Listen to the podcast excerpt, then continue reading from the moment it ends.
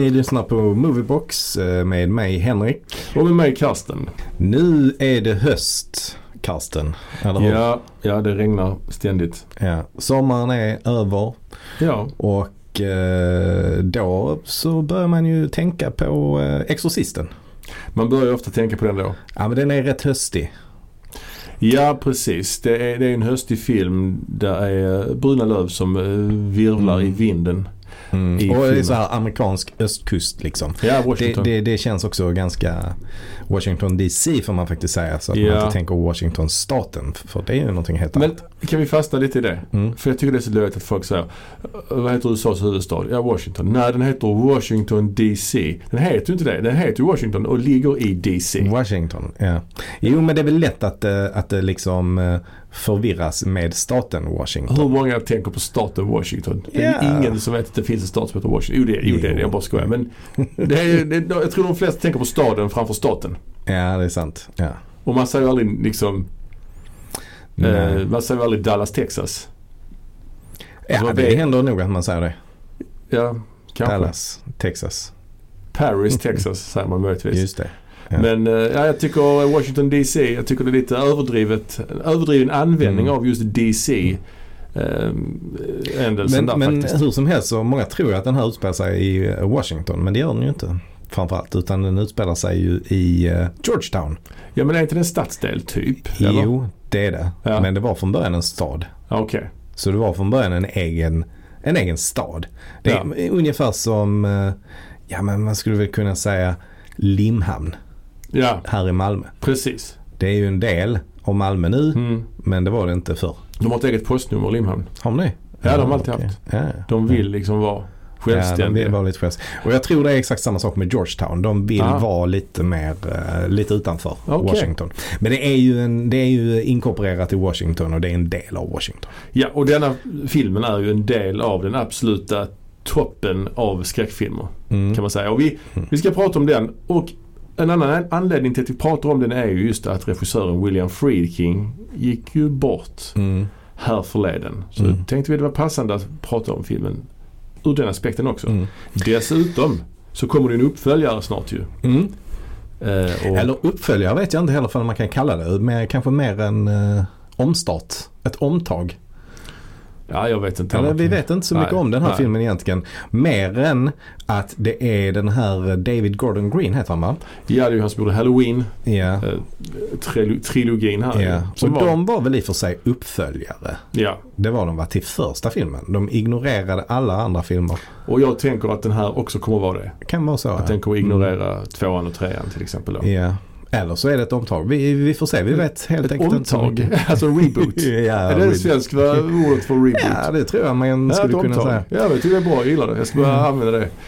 Ehm, så ja, så vi ska prata om Exorcisten idag.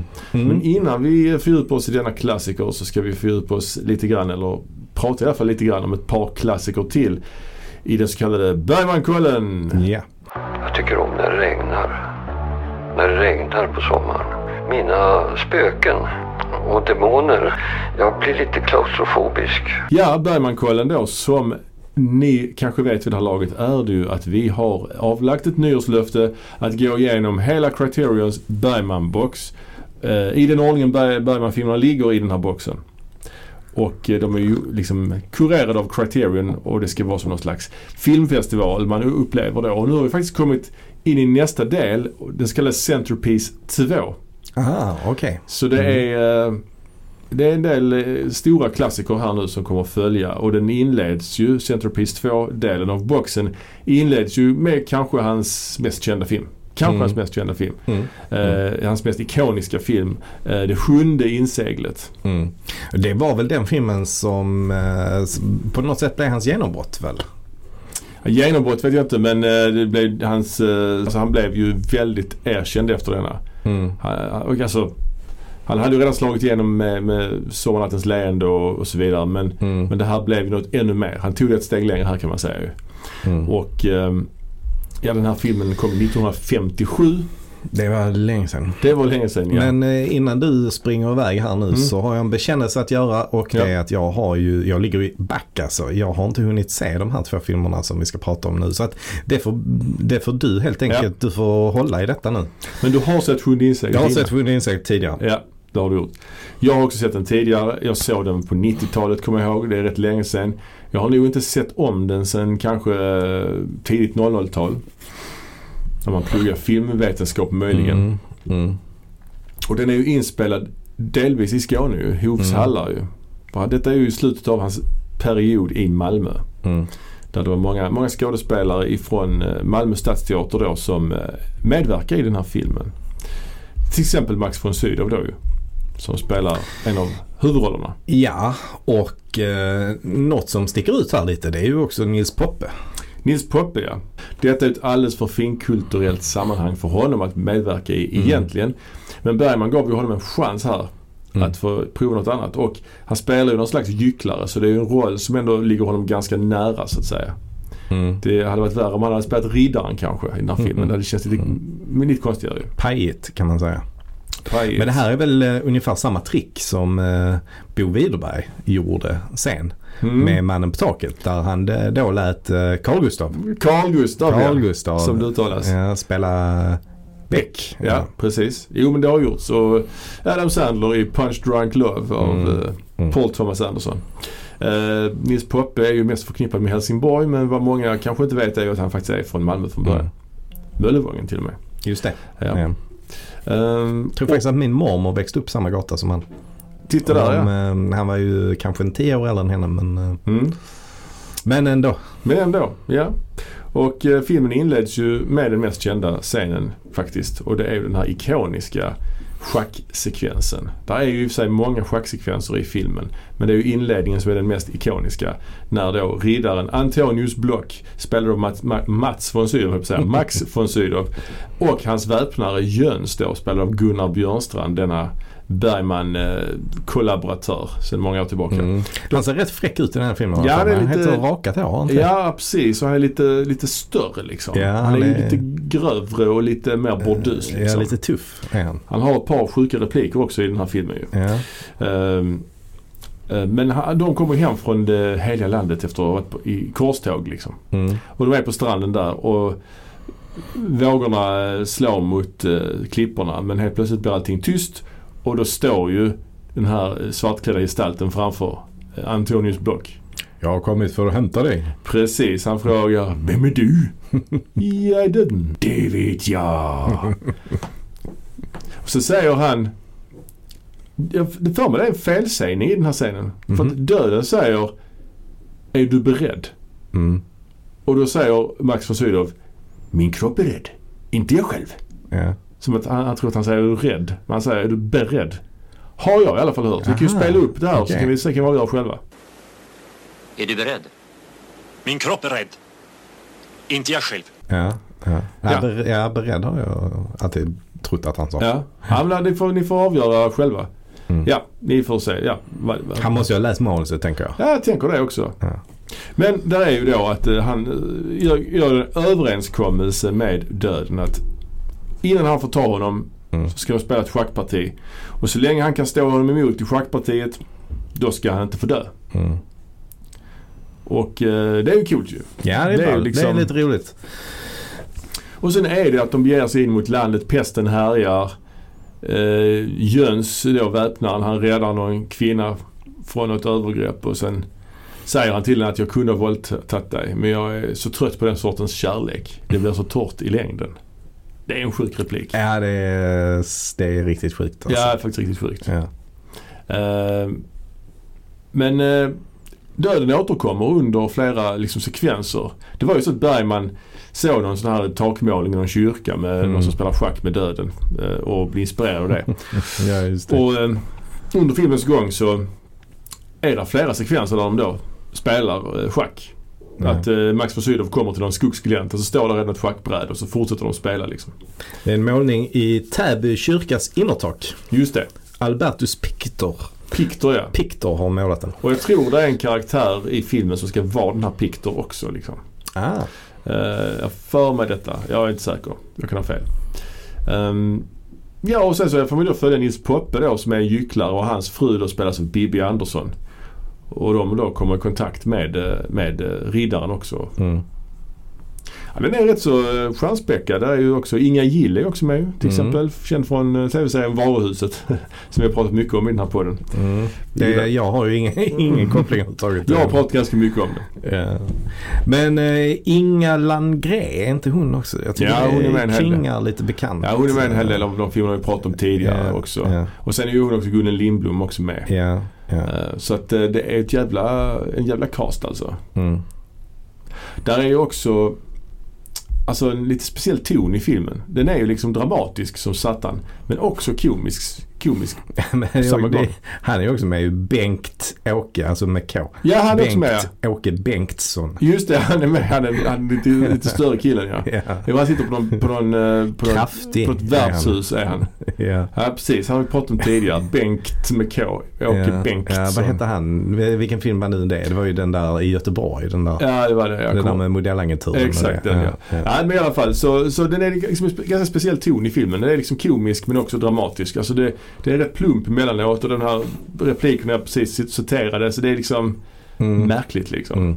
Det är något argument. Det är ju en smed med i filmen också som då är bedragen av sin fru som spelas av Inga Gill. Mm. Eh, och hon har, hon har ihop det med någon av gycklarna, alltså en av Poppes gycklarkompisar.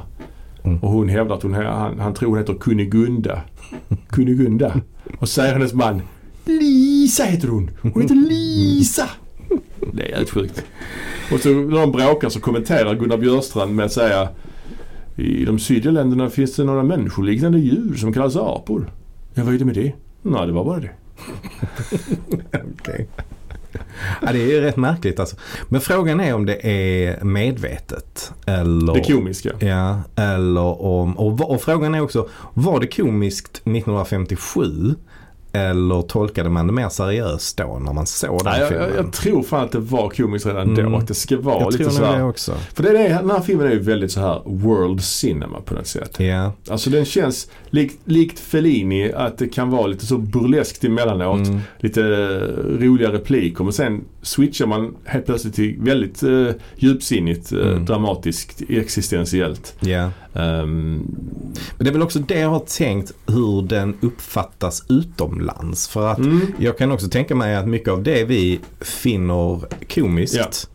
Kanske man inte gör. Alltså man, man, eh, man, man läser ju inte filmen på samma sätt när man inte förstår nyanserna i språket. ja, absolut, absolut. Så att eh,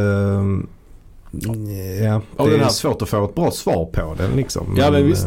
Och den här filmen är ju större och Bergman är ju också större utomlands än i Sverige på något sätt. Nej men det kan man nog ändå inte säga Ja, att han är jag- ja, större men alltså- utomlands. Han är ju jättestor utomlands definitivt. Han Ja. räknas ju ofta som en av de stora tillsammans med eh, just Fellini och eh, Ja, ja vad har vi mer för några? ja Alltså, Kurosawa. Kurosawa också, ja precis. Alltså Såna- World såna. Cinema, ja, Ja, precis. ja. Mm. Och Det- den här filmen är ju verkligen ett prov. Den här filmen är ju storslagen Mm. på ett annat sätt än vad hans, många av hans tidigare filmer är ju. Mm. Mycket statister, Mm. munkar som Mm. går och Men, men jag tror ändå inte man kan säga att han är större utomlands. För i, alltså, han har ju lämnat ett sånt jäkla avtryck i Sverige så att det, Ja, ja. går knappt att beskriva liksom. Det är en väldigt stark scen i filmen där de ska bränna en häxa på bål ju. Mm. Och eh, han, eh, riddaren pratar med henne liksom. Den är väldigt stark den scenen. Där är det helt väldigt nedtonat och väldigt Mm. så man hör bara deras repliker. Och, och hon spelar häxan, det är även hon som spelar, alltså Maud Hansson. Det är Mm. även hon som spelar Lina, alltså pigan i Emil Lönneberga. Ja, okej. Så att det är, Ja, ja. det är ändå ball. Mm. Hon är väldigt bra i denna filmen. Okej. Hon gjorde inte Maud. så mycket film, men hon gjorde Nej. mest teater. Ehm, ja, jag tycker, alltså den här filmen, jag tycker den är bra liksom. Mm. Den, den, är, den är underhållande att kolla på. Det är inte bara det att den är liksom, att den är stark på något sätt. Utan den är, den här är mer en underhållande film faktiskt. Mm. För den har liksom, den är mer episk. De är, det är mycket folk. Eh, exotisk på det är medeltidsfilm. Han gjorde ett Mm. par medeltidsfilmer i den här Mm. vevan ju. Vi pratade om förra veckan, förra gången, eh, Jungfrukällan. Ja, precis. Ja, Och sen har vi även eh, ansiktet. Men den är väl kanske inte medeltid just Nej men den det är ändå historiskt, historiskt drama. Ja. Precis. Ehm, men sen är det ett par, ett par scener som jag tycker är lite som kunde varit bättre gjorda. Det är en sekvens där Antonius Block ska bikta sig i Mm. kyrkan. Och sätter sig i biktbåset. Och då är det ju döden som är på andra sidan. Det är inte Mm. prästen, det är döden. Och vi ser att det är döden men han ser inte det. Nej. Och så börjar han berätta då hur han tänker slå döden i schack. Mm. Och då säger han jaha, då vet jag det. Liksom, åh Mm. din jävel. Liksom att, att han då liksom. Och det är lite otydligt berättat för att vi uppfattar så tydligt att det är döden. Mm. Så att han också borde göra det. Ja, ja. Men det gör han inte. Det hade man kunnat ha det som en twist istället ju. Ja. Det hade bättre var att vi inte hade vetat det heller. Frågan är om det fanns twist då i, eh, i filmer. Ja men jo det är ju... Ja men alltså. eh, Citizen Kane kan man väl kanske säga har. Eller är det en twist eller inte? Det får man väl säga. Men, är det men, en twist? Ja, oh ja. Men, men eh, jag menar, man, man kunde ha, ha ett mörkt ansikte som man trodde, att vi trodde var prästen och sen blev vi överraskade att det var döden. Det var Mm, bättre ju. mm. En annan sekvens är den här smeden, den här komiska smeden klättrar upp i ett träd för han blir förbannad. Lite så Ja just det, det det, det, är jag lite, det är lite Fellini över det faktiskt, att klättra upp i ett träd. ja. Och då börjar ju döden såga trädet. Är det Fellini-eskt att klättra upp i träd? Ja men ja, självklart. Självklart. Men, men, men då börjar döden såga ner trädet ju. Med såg. Han använder inte sin lie eller något sånt mäktigt utan han tar en jävla såg och börjar såga. Ja, och då frågar han vad gör du där nere? Ja, jag sågar trädet. Det, och så ler döden och är så jovialisk och håller på. Ja. Du kan ju inte få ner ett träd med en lie. Ja, men du är döden. Då har du alltså du har ju, jag tänker att han är jävligt powerful. ja, Men, men jag tycker i alla fall att han, man bryter lite karaktären och blir lite rolig där. Jag tycker Mm. det känns väldigt opassande. Det är inte Mm. alls lika stoisk utan liksom typ ler och skojar liksom med honom. ja, nej, men det kan jag köpa. Och det, det, det tycker jag är lite, lite svagt Det liksom. är svagt. Ja. Men sen är den stark i slutet när då döden kommer till slut för att hämta dem. Mm. Och eh, han bara står där i korridoren. Den ser man inte alls lika mycket den, den bilden. Den är nästan minst lika snygg som schackbilden. Eh, Okej. bilden, liksom. Mm. ja, inte riktigt kanske men. Och sen slutar Där, det med... är ju en cool bild på Mm. döden när han står och eh, liksom håller upp ena armen. Eh, alltså han håller sin rock eller Mm. han har, kåpa. Ja, Där han håller upp den liksom som ett skynke. ja, det är ju början. Och så Ja. klipper man det i det svarta till nästa, till Mm. reverse angle. Eh, men det här är också så konstig grej när han börjar gå där. Då gör han också en så konstig min. Precis som att fan, där borde de gjort en tagning till alltså. Mm. Det är Mm. lite konstigt. Mm. Eh, men de kanske inte såg det. De var ju ute och blåste kanske. Så. Ja. Men sen slutar det med den här dödsdansen. Man får se dem på krönet där och dansa. Man ser deras silhuetter. Och Mm. Jag för mig när de spelade in Det den är här snyggt som fan. Ja det är snyggt som fan men jag får mig när de spelade in den här filmen att det inte var de riktiga skådespelarna för att där Mm. man såg något moln på himlen tyckte det var snyggt eller om Sven Nykvist såg det eller. Nej Gunnar Fischer Gunnar det vara. Fischer ja, Gunnar Fischer var detta. det. Eh, men, så de fick ta andra skådisar och klä dem i, i de här kläderna liksom. Så ser Nils Poppe och hans fru dem dansa för de, de klarar sig ju. Och sen så åker de iväg i sin lilla cirkusvagn och sen slutar filmen liksom. Mm. Men, eh, nej, men detta är ju helt klart en av hans eh, absolut eh, mest hyllade filmer. Kanske som sagt hans mest kända och ikoniska film. Och vi kommer ju ranka alla filmerna i slutet av eh, året här så får vi se var den här hamnar. Men den kanske hamnar i den övre halva- halvan kanske kan man Mm. tänka sig. Har du någon, vill, vill du bjuda lite på lite ranking? Ja, Alltså vad du, hur du känner. alltså jag skulle säga att den här just nu är topp 10 helt klart. Den är topp 10? Ja det är den ju, Mm. absolut. Topp det kan- fem? Top 5? Eh, Tvek. jag har ju listan här. Jag, kan, Tveksamt. jag fyller i listan hela tiden då. Allt eftersom. Jag kommer bara ranka helt på uh, fri fot Vi ska i göra- slutet. ja, men vi ska Nej, göra- jag, ska bara, jag gör det också under tiden. Vi ska ju göra en gemensam rankinglista, det är det som är Mm. grejen. Så att Mm. det ska bli en lista. Ja. Den ligger faktiskt topp 5 just nu. Mm. Spännande. Ja det är spännande. Jag tror inte den ligger topp 5 hos mig faktiskt. Men eh, ja, vi får se. Vi får se. Jag, ska se. jag ska ju som sagt se om den och så får vi se vad den, vad, vart den hamnar i slutändan. Men eh, vi har ju en till film som vi ska prata om i Bergmankollen alltså. Ja och det är då Djävulens öga. Och den har jag aldrig sett så det blir jättespännande att Eh. höra vad den handlar om. Ja den är ju lite mer eh, en bur- burlesk komedi kan Ännu man säga. mer burlesk. Ja, oh ja, oh ja.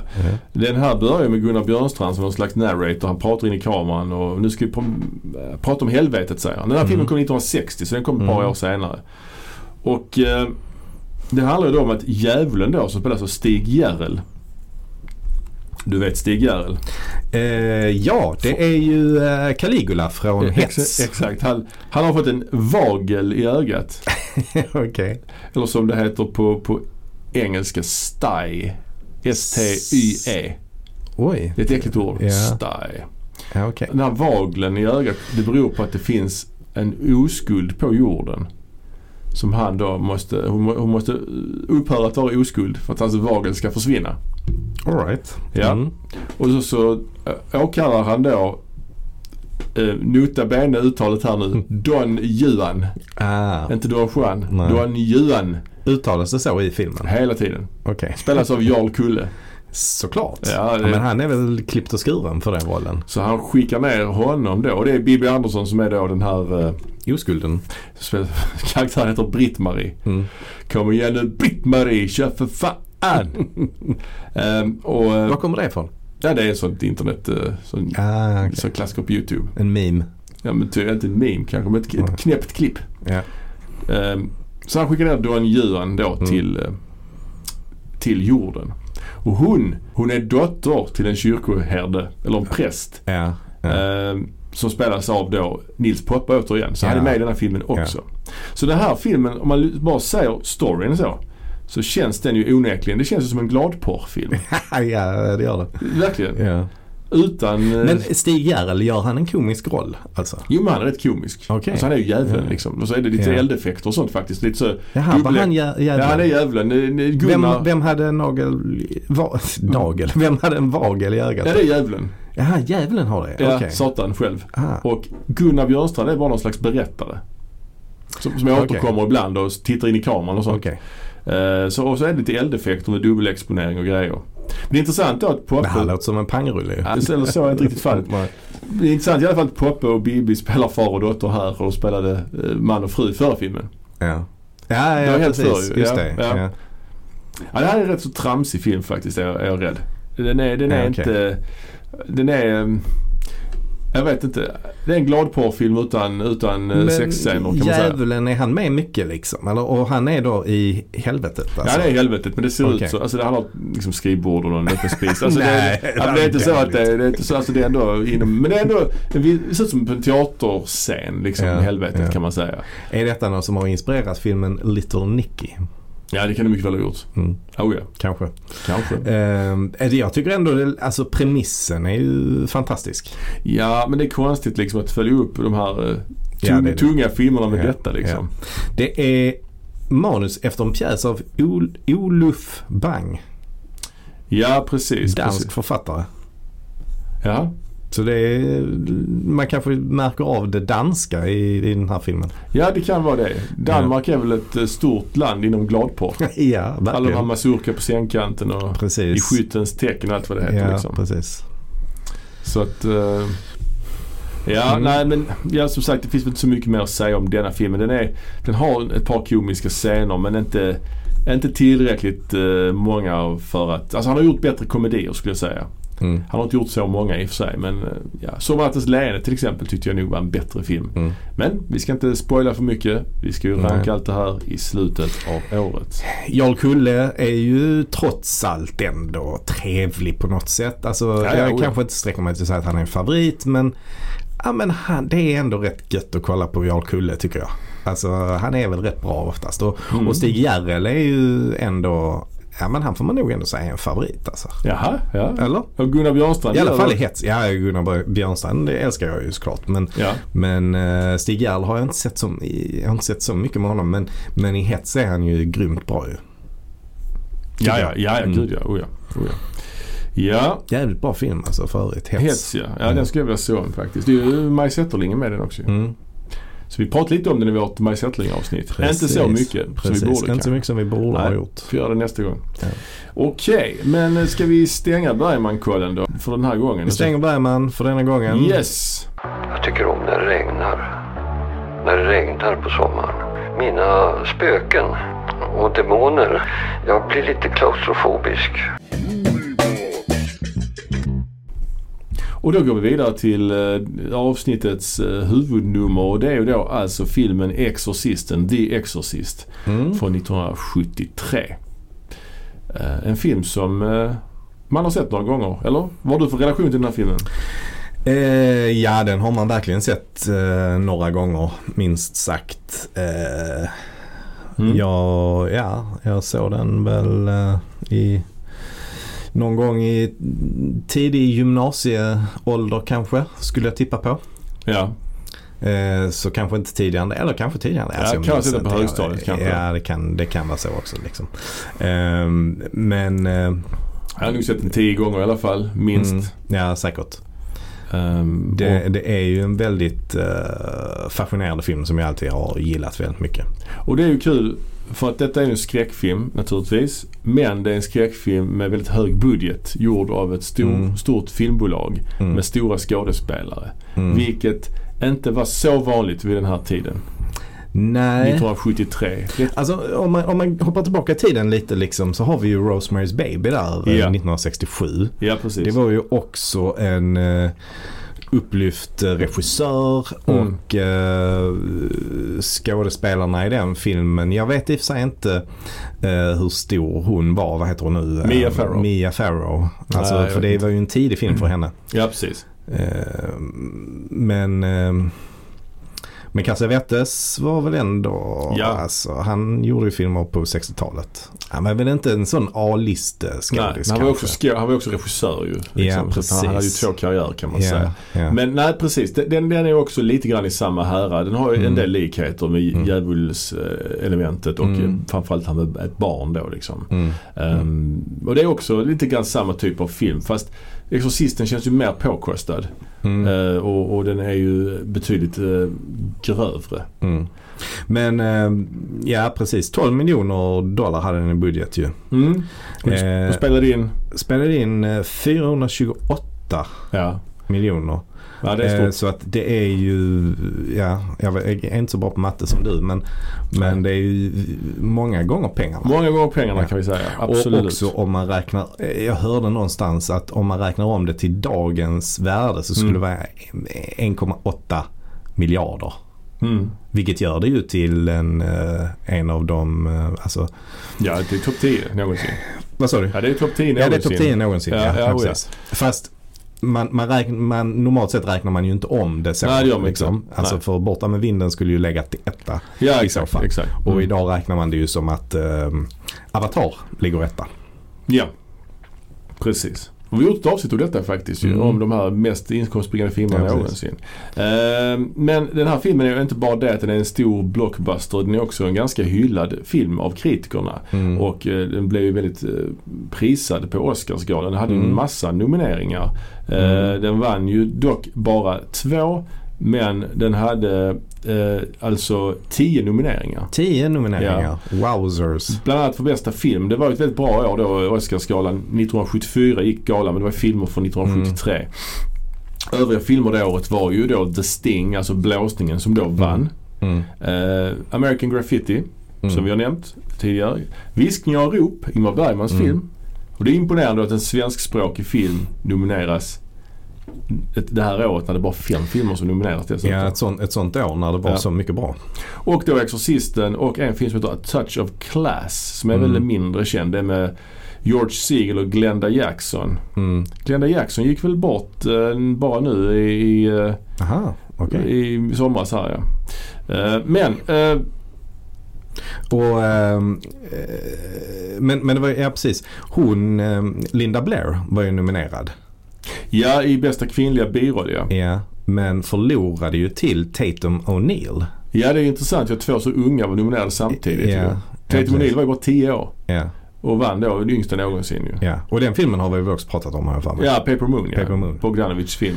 Linda Blair, hennes nominering är ju lite kontroversiell. Alltså för att Mm. det, folk hade lite åsikter om det. Hur mycket var Linda Blair och hur mycket var andra personer. För att Mm. hon gör ju inte rösten utan det är någon annan som gör det som gör den här eh, demonrösten. Hon heter Mercedes McCam Mercedes McCambridge gör hennes röst. Alltså Okej. hon var ju så riktig Mm. röktant och rökte och Ja. drack och hade en riktigt extrem röst. Jag trodde faktiskt det var en man som gjorde Ja, man tror det. Ja. Och gör den här demonen, eh, demonens röst. Ja, Pazuzu heter ju demonen, nämns ju inte i filmen Det nämns inte i filmen. Nämns Alltså. i tvåan dock men Ja. eh, jag, jag gillar inte riktigt namnet Pazuzu. Det låter Nej, lite nej. löjligt. Det är också en annan stand-in i Mm. vissa scener ju. Mm. För de Ah, lär- okej. De lät ju inte henne göra vissa grejer som hon får Nej. utföra i den här filmen. För det är Ja. lite hemska saker för en 12-åring att utföra. Ja, jo det är det Eh, Men eh, sen var ju också eh, naturligtvis Ellen Burstyn nominerad för bästa kvinnliga huvudroll. Mm. Och han den här Jason Miller för bästa manliga biroll. mm. Men det blev inget till Max von Sydow. Han fick ingen nominering. Nej. Däremot så fick ju eh, manusförfattaren William Peter Blatty Mm. vars bok den här filmen är, eller manuset är baserat på. Mm. Eh, han vann ju för bästa eh, manus. Ja, ja. Och filmen fick också för bästa ljud. Den var ju också nominerad till bästa regi. Och det var ju Ja. William Friedkin som regisserade denna. Och han Ja. hade ju tidigare vunnit för French Connection. Just bara ett par, par år tidigare. Och eh, andra regi eh, nominerade det här året var George Lucas då för American Graffiti. Ingmar Bergman, Viskningar och rop. William Friedkin då som sagt. Mm. Eh, Bernardo Bertolucci också för eh, Sista, Sista tangon i i Paris. Paris ja. Vann Och- gjorde George Roy Hill då för The Sting. Just det. Ja. Eh, och Brando var ju också nominerad för eh, sin roll där i eh, Sista tangon i Paris. Ja, Så det var ju en... Eh, ja, det var, det var, alltså jag tror också... bästa manliga huvudroll var ju riktigt stark den alltså. var riktigt stark. Ja, Jack Lemmon vann ju för den här Save Mm. the Tiger som regisserades av John G. Advilson tror jag. Just det. Mm. Eh, Sen var det Marlon Brando som sagt. Jack Nicholson för Last Detail. Ja. Hal Ashby-filmen som vi också har Mm. nämnt. Eh, och eh, Al Pacino för Serpico och Redford för The Sting. Mm. Så det är ju bara legender i den Ja. kategorin faktiskt. Ja, verkligen. Mm. verkligen. Ehm, och lite märkligt, alltså kanske ändå att Jack Lemmon är den som tar hem det. Ja, Även om det är, en- jag gillar den filmen, Save the Tiger. den har jag faktiskt aldrig sett. Nej, den är ju inte alls, den har ju inte levt vidare som någon av de här andra filmerna vi har nämnt nu. Nej, den har faktiskt inte gjort det. Alltså den här andra du nämnde som eh, som också var nominerad till bästa film. Ja, Touch of Class. Touch of Class, vad är det ens? Ja, precis. Nej, den är helt Alltså, bortglömd idag, ja, höll jag på ja. säga. Ja, det var kul att se den ju. Alltid kul att se Mm. sådana Mm. filmer som, eh, ga- gamla Mm. hyllade filmer som Mm. är bortglömda. Ehm, Den här hade ju också premiär nästan samtidigt som The Sting tror jag. var det vid juletid när Ja, det var premiär? vid juletiden när det premiär. Ja. Och jag tror The Sting hade premiär en dag tidigare. ja, det kan jag inte haft för det var juldagen. Det är ju i USA så firar man ju jul då. Ja okej. Men jag kan När kolla. hade här- denna premiär då? Den hade premiär på eh, alltså annandagen. Annan dagen? Ah, okej. Och The Sting hade premiär eh, Jo, den hade fan varit premiär på juldagen. Ja, Det är ju ja. bisarrt ju. Ja, Här i Sverige är juldagen en stor biopremiärdag. Mm. Men i Mm. USA är det då man firar jul på riktigt liksom. Då har man inte tid att gå på bio tänker jag. Nej, om man jämför eh, med julafton så är Ja. ju inte det någon särskilt stor biodag. Ja, det är stressat, stressat att gå på bio på julafton. Mm. Hur ska man Mm. hinna se Anka då? ja, liksom? exakt. Det, exakt. det går inte. Ja. Ja, det finns två, två dagar på året som inte är några stora biodagar. Midsommarafton och eh, julafton. Ja, sant. Så det är aftnarna. Ja. Nyårsafton är inte stor heller. nyårsafton är inte heller stor. Nej. Men däremot nyårsdagen är ju eh, bra. Är det en bra- biodag? Ja, är inte det en pizzadag? Man äter pizza? Jo, men det är ändå en bra biodag också. Ja, det är det väl I guess. Inte som juldagen såklart, för det är årets eh, största biodag. Jag har Men- aldrig varit på bio på juldagen. Jag fattar faktiskt inte riktigt varför man går på bio på juldagen. Inte jag heller, men det är en tradition för många Ja, att, att göra det. Ja, Eh, Så att eh, det, det görs. Ja jag, jag kan Mm. respektera det och acceptera det också kan jag. Ja, ja precis. Ja. Men den här filmen i alla fall. William Peter Blattis The Exorcist Mm. står det på postern. Postern är ju sjukt snygg för övrigt. ja, och det är också kul att det är taget från en, eh, en ruta i filmen. Alltså det Ja, är det är ju det. verkligen en, en scen som är med. Liksom. Och den bilden är också inspirerad av en målning av Magritte tror jag. Mm. Lite så klärobskyrt så här. Mm. Men det är faktiskt inte jättevanligt att man har en stillbild från filmen som plansch. Nej, alltså det brukar ju vara Det händer ju. ofta tecknat brukar det vara. Eh, Ja, på den här inte, tiden, Det är inte ovanligt. Nej, nej. Nu för tiden är det oftast bara stora ansikten ju som Mm. täcker hela planschen. Mm. Rätt tråkigt ju. Ja. Förr var ju Ja. planscherna snygga och den här är en jag av de tror i och för sig snyggaste. den trenden har förändrats lite. Kanske. ändå. Nu släpper man ju, till storfilmer släpper man ju ofta en eh, teaser poster Mm, och sen en riktig poster. Och det känns ändå lite som att den trenden, eh, för jag vet ett tag var det verkligen så hela tiden. Bara Ja. en massa huvuden. Ja, precis. Eh, Men jag, vi vill ändå säga generellt att den, den har liksom förändrats. Den, den trenden. Ja. Ja. Men skräckfilmer brukar ju inte ha sådana poster för Nej. det brukar ju inte vara några stjärnor med Nej. egentligen. Ehm, men jag tycker det är intressant att William Peter Blatty får sån oerhörd cred. Mm. Att hans namn får stå före Mm. titeln. För jag menar, han, han har skrivit boken, absolut. Det är hans historia så. Ja. Men han är ju ingen känd författare. Det är inte så att det är William Shakespeares Hamlet. Nej, direkt. men jag, eh, jag, jag tror jag är ändå ganska, det är inte bara att jag sitter och killgissar nu, men han var ju producent också ju. Ja, ja. Alltså det var ju ändå han som ägde projektet hela tiden. Mm. Och han skrev ju den här boken som blev en bästsäljare. Ja, Så att det är ju ändå därför det, han har säkert eh, liksom eh, sett till att det har blivit så. Eftersom han har varit producent och varit med hela vägen. Det är Ja, också ja. han egentligen som anlitade William Friedkin Ja. till, till att göra det. för han Blatty, han är ju typ bara känd för detta. Alltså det är hans mest kända, hans enda han, kända bok kan man Han, säga. han har ju skrivit många manus tidigare också. Ja, han gjorde ett Pink Panther-manus tror jag. Bara ett. Jag tror Nej. han gjorde många. Han kanske gjorde fler. Ja. Ja, okej. ja. Jag tror han, ja men det är just A Shot in the Dark som är hans Mm. eh, kända. Men, men det roliga var ju ändå att han gjorde komedier tidigare. Ja, det det är något annat ju. Och här bestämde han sig ju då för att han ville, för att han hade inga jobb vid tillfället. Nej. Och då bestämde han sig för att eh, prova på att göra någonting helt annat. Och Mm. då eh, bestämde han sig för att skriva det här eh, skräckmanuset. Och det är ju också baserat på en eh, verklig händelse. Precis ja. Mm. Sägs det i alla fall. Ja, exakt. Hur exakt. verkligt det är vet jag inte. Nej, men- precis.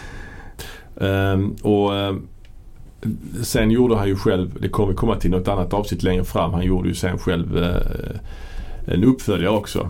Ja. Alltså, som han dessutom regisserade. Mm. Han skrev ju en bok som heter Legion som han sen eh, gjorde en film av som då blev Exorcisten 3. Mm. Men den kommer vi till längre fram. Eh, någon annan gång. Ehm, men den här filmen, Exorcisten då, finns ju i två versioner. Mm. En vanlig version som Mm. kallas för Theatrical Cut. Och en version som slarvigt brukar kallas för Director's Cut. Men det är ju inte Director's Cut egentligen utan det är ju mer en cut som Blatty ville få till. Ja, men detta var ju the original cut. Ja, kanske.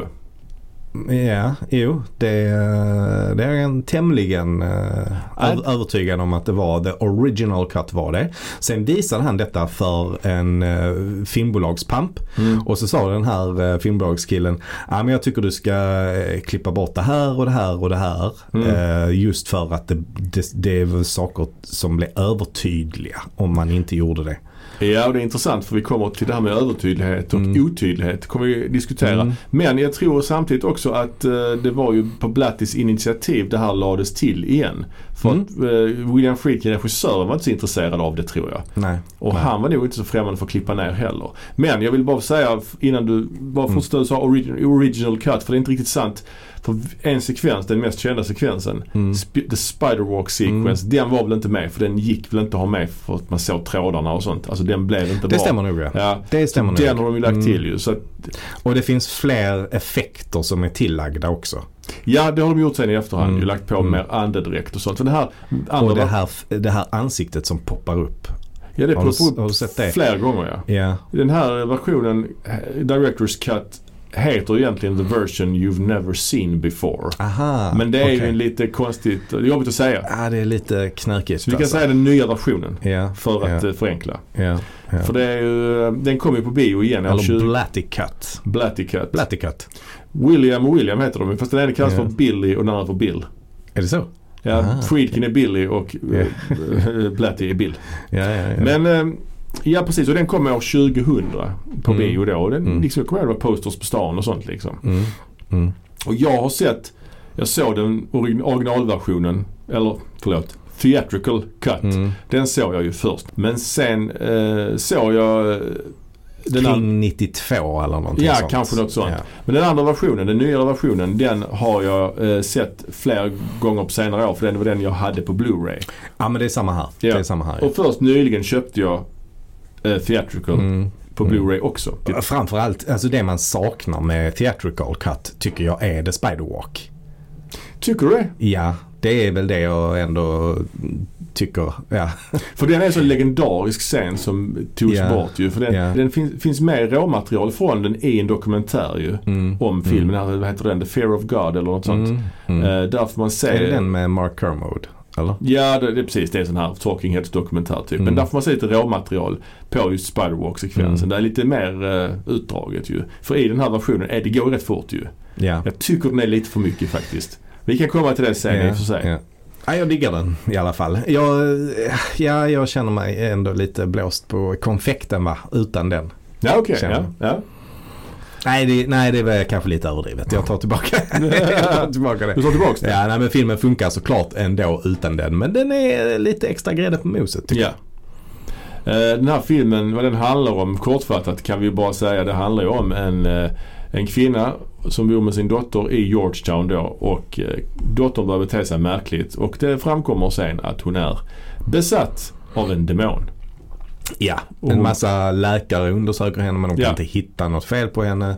Och till slut så övergår de till att eh, de skickar henne till psykologer men de klarar inte heller Nej. av att göra någonting. Och den sista utvägen är att hon ska prata med en präst. Ja.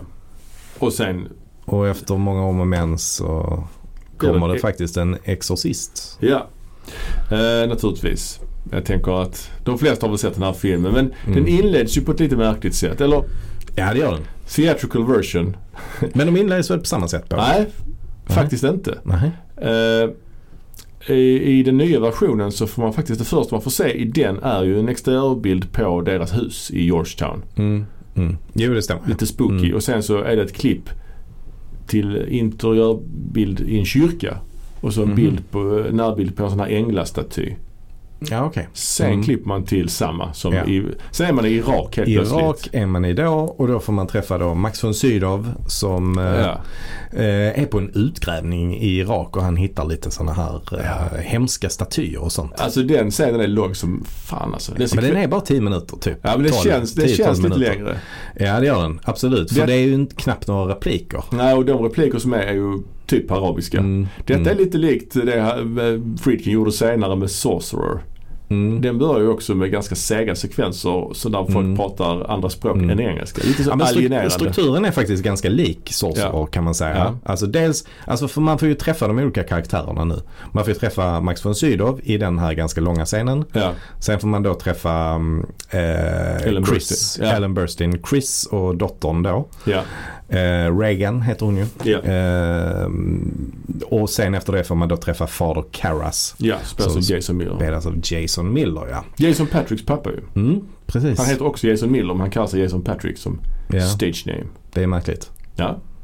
Men, Jason men Miller det är också märkligt att han döper, sin, döper sitt barn till att heta exakt samma sak. Ja men det är, så gör man i USA ju. Det finns ju Ja. George Bush och sånt. Men de brukar heta Junior då. ja. men det Jason heter, Miller Jr. Han heter ju Jason Miller Ja, Jr. heter han det? Ja, Men okej. tar, han vill inte heta det. Så alltså, Nej. vi som, eh, ja, det Ja. köper jag i och för sig. ja du vet som, Ja.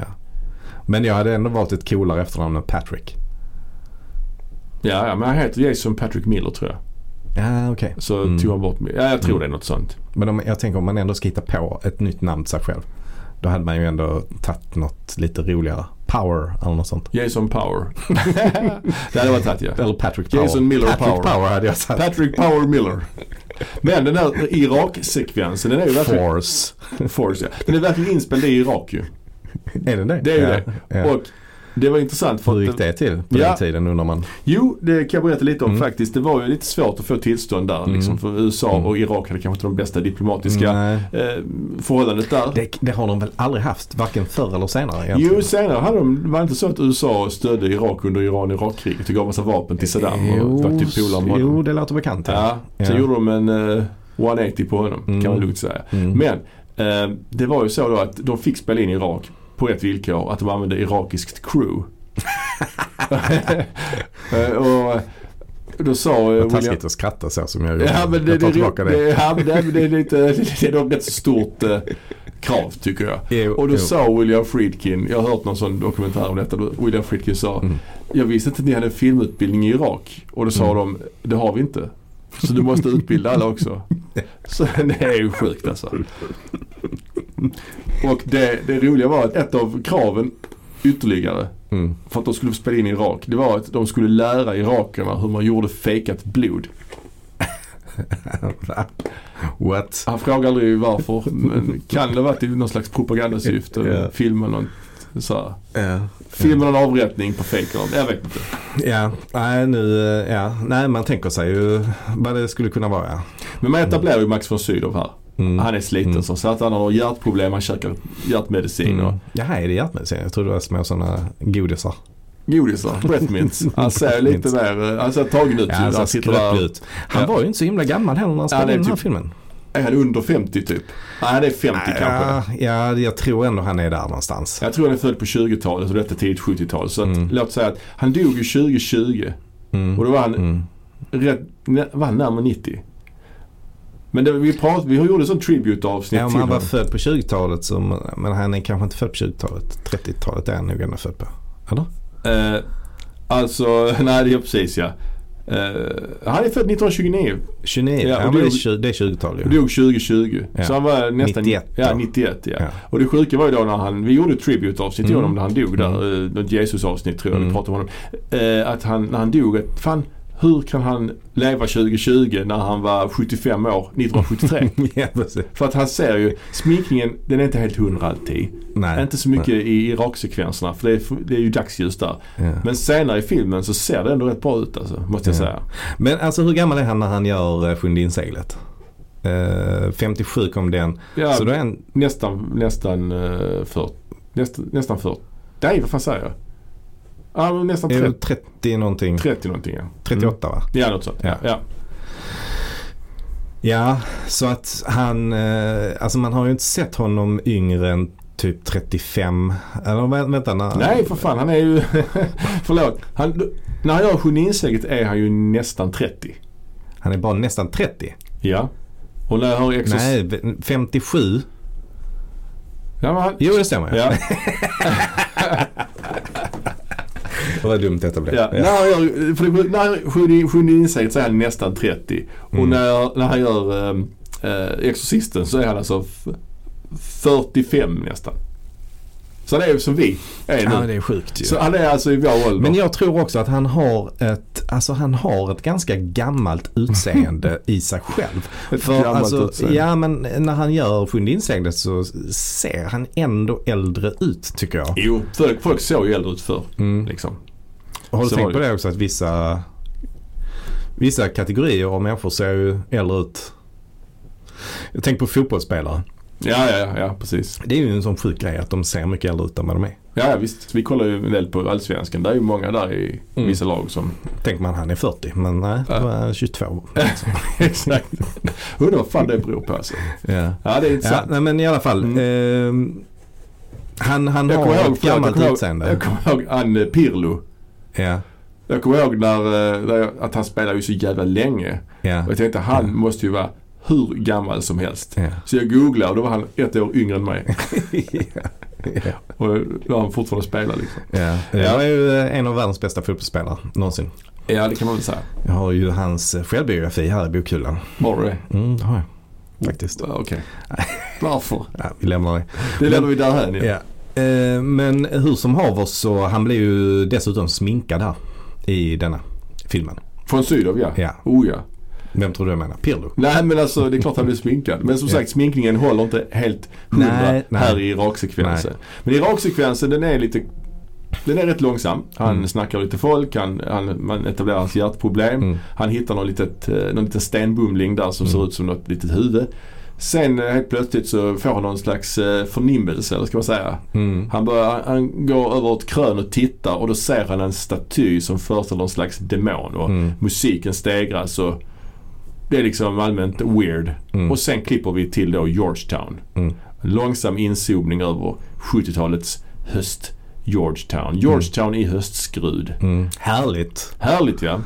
Ehm, ja, nej men på något sätt så etablerar man ju ondskan. Att ondskan är eh, närvarande i, eh, liksom i Irak-scenen. Ja men grejen med den här filmen Och är att den alltid har funnits. Ja men grejen med den här filmen är ju att att den har ett väldigt långsamt tempo Mm. och att det dröjer ganska länge innan det börjar hända något riktigt skräckfyllt i... i Det dröjer ju sjukt länge. Ja. Alltså jag skulle säga att det dröjer ungefär en timme innan alltså, man märker att Reagan är possessed. Och detta är ju-. Eller detta är ju- besatt som det heter också. Ja detta är ju en New Hollywood-film ju. Mm. Och det är ju det är kanske lite grann ett av mm, kännetecknen. Att Ja. etablera karaktärerna. På Liksom. tal om New Hollywood Ja. så är ju det här kanske mm, eh, liksom när, när New Hollywood stod som allra högst eller vad man ska säga.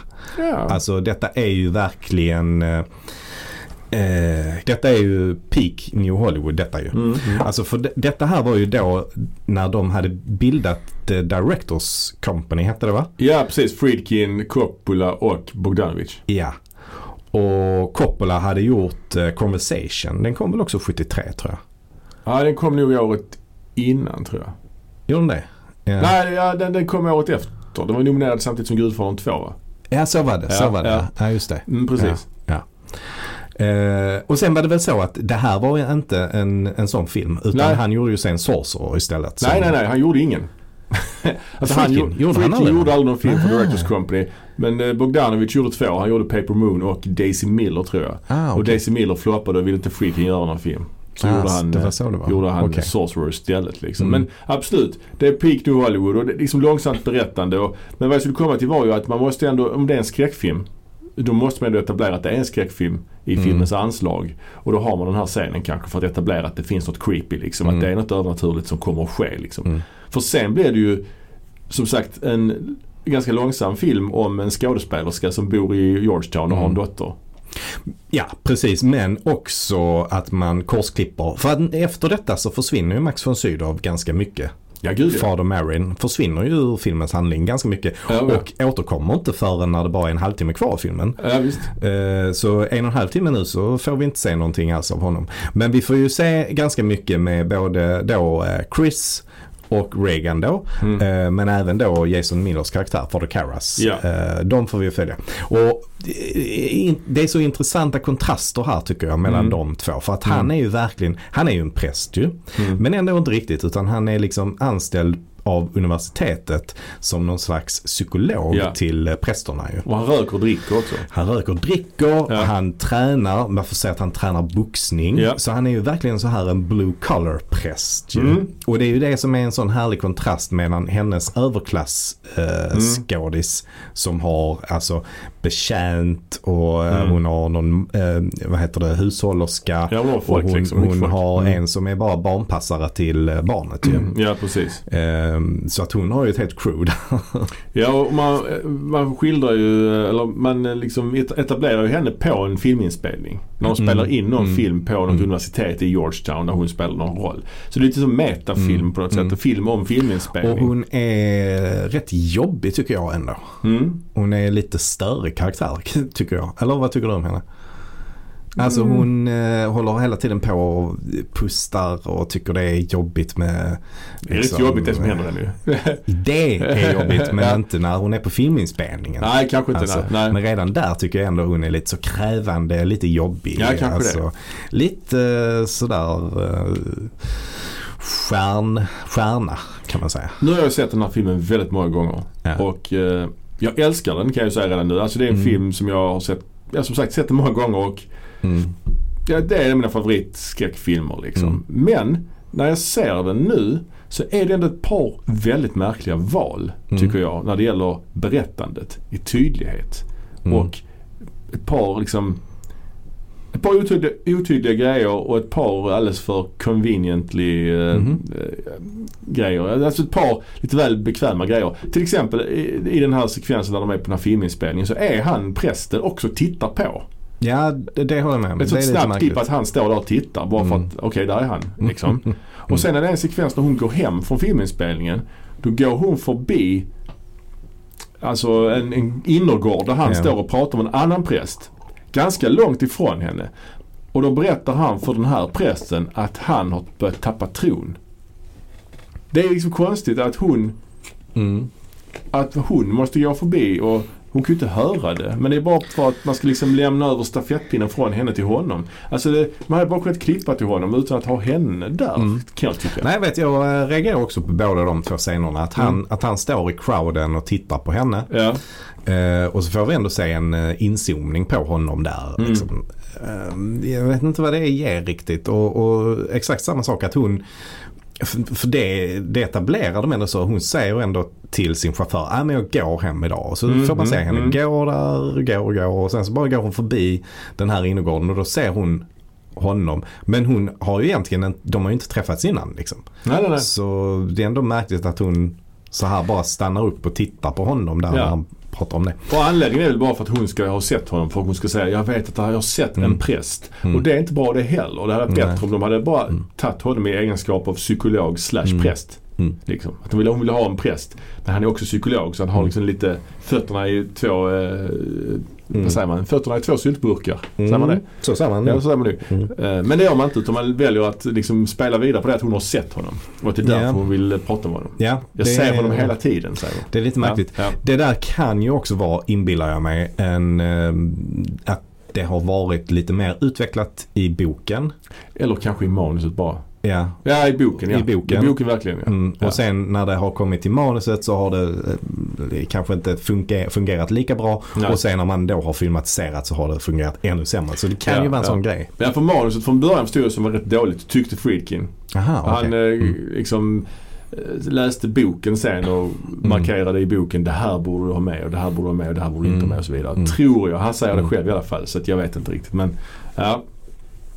Nej men sen är det vad, vad, vad, liksom, ett, ett annan grej som jag också tänker på som är ganska, en ganska intressant scen där de är i källaren i, i huset i Georgetown. De har sånt Mm. townhouse liksom. Mm.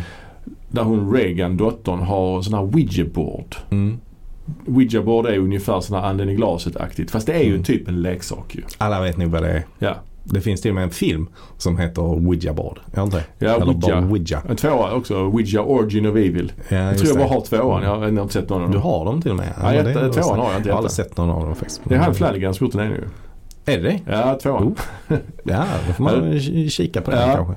Det är roligt. Ouija, du vet var det kommer ifrån va? Ordet Ouija. Det låter hawaiianskt.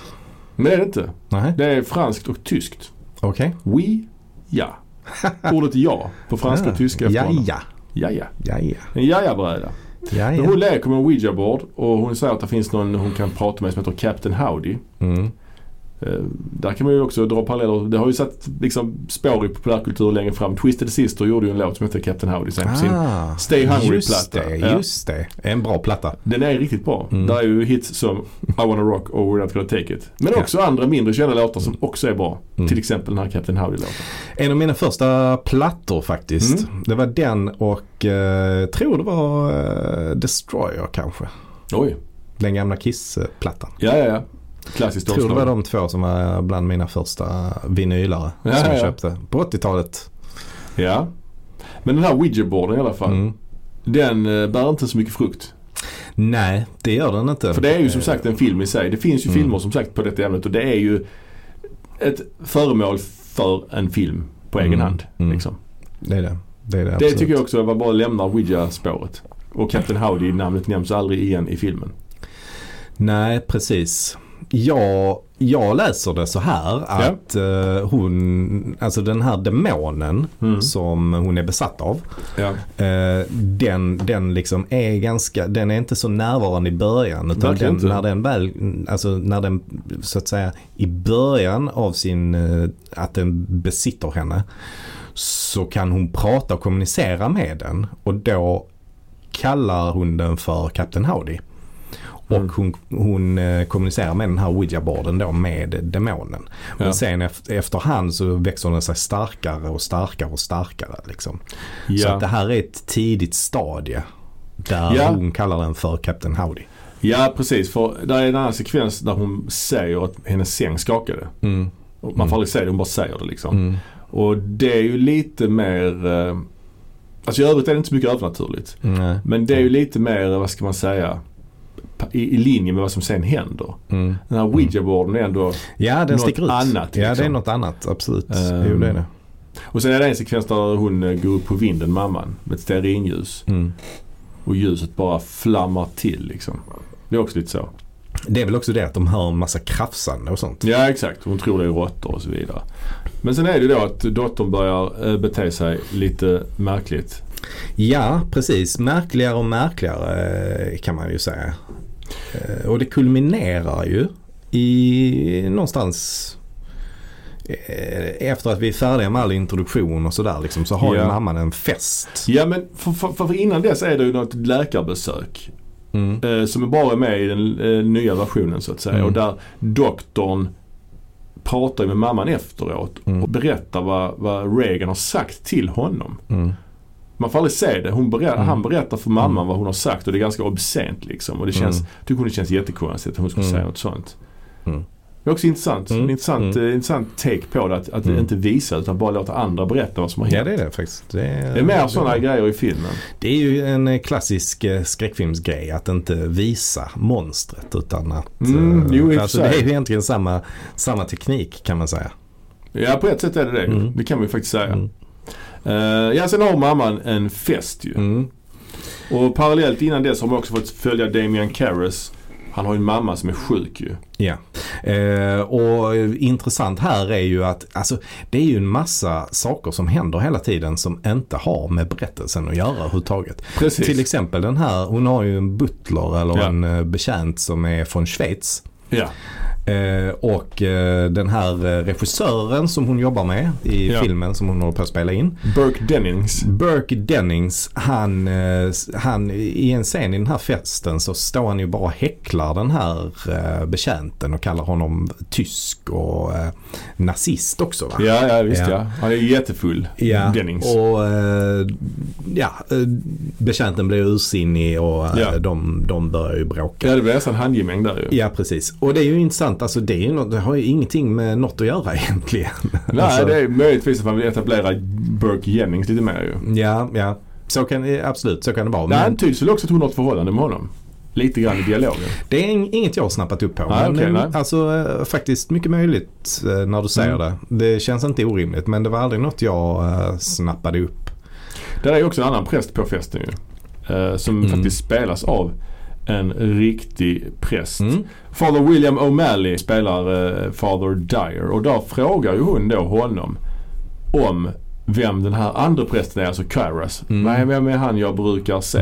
Och då berättar han liksom att eh, hans mamma precis har dött. Och det är också Mm. något som vi inte får se heller. Mm. För det är rätt jävla mycket eh, som, tid som läggs på att han är hemma hos sin mamma, lägger om hennes sår. Hon Mm. hamnar på ett eh, vårdboende och hans onkel är där och de pratar. Mm. Men sen att hon själv... Och han är arg på sin onkel. Ja. Onkel, vad är det för namn? Morbror. Morbror. Eh, han är arg på sin morbror för att morbrorn har satt henne på ett hem utan att först fråga Ja. honom och så vidare. Så det är intressant att det är så mycket annat runt omkring. Ja. Men, Men- det är så himla värdefullt att göra detta tycker jag. För, Ja, det är det. för vi känner ju något för karaktärerna. Ja, absolut. Och det är ju det som egentligen är nyckeln till hela den här filmen. Varför vi tycker den är så bra. Absolut. Alltså det är ju verkligen att man känner något för karaktärerna. Men vi hade ju inte känt mindre för karaktären om man också hade visat att mamman dog eftersom man lagt så mycket tid Det på stämmer. henne. Det stämmer. Det kunde man ju också gjort bara Det- något kort liksom. Det hade man absolut kunnat göra. ja. Men vi får ju ändå se mycket annat. Vi får se när han eh, håller begravningen för sin mamma. Alltså att han själv är prästen som håller i den begravningen. Är det begravning? Är inte det jag bara... fattar det så. Ja, jag tror det är någon sån natt, nattvard bara. Så Det är bara det. henne. Jag Ja, tror det. Jag är ja, inte säker. Ja, så kan det vara. Ja.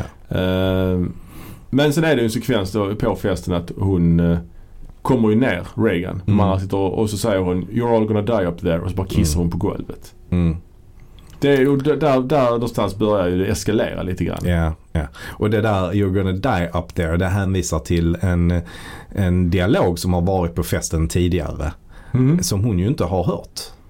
Vad var det för dialog om, om råttorna? Nej. Nej, det är ju den här eh, mannen på festen som då står närmast henne när, Mm. när hon kommer in i rummet. Han har pratat i förbifarten bara. Alltså kameran typ bara flashar förbi en festscen Mm. och så ser man honom stå och prata. Och jag minns inte, antingen pratar han om att eh, liksom rymdfärder eller så pratar han om flygresor. Jag minns inte vilket Just det var. mm. Alltså, det är något sånt. Det kan vara att de åker till månen. Alltså Ja, att, ja. han, att, det är det, att det är det han har pratat om. Ja. Och eh, när hon då kommer ner och säger you're all gonna die up there så är det ju det hon refererar till. ja, just det. Så det är också intressant att vi vet att hon har inte hört det innan. Nej, det är alltså. sant. För hon har ju legat upp i sitt rum och sovit. Ja. ja, det har jag aldrig tänkt på faktiskt.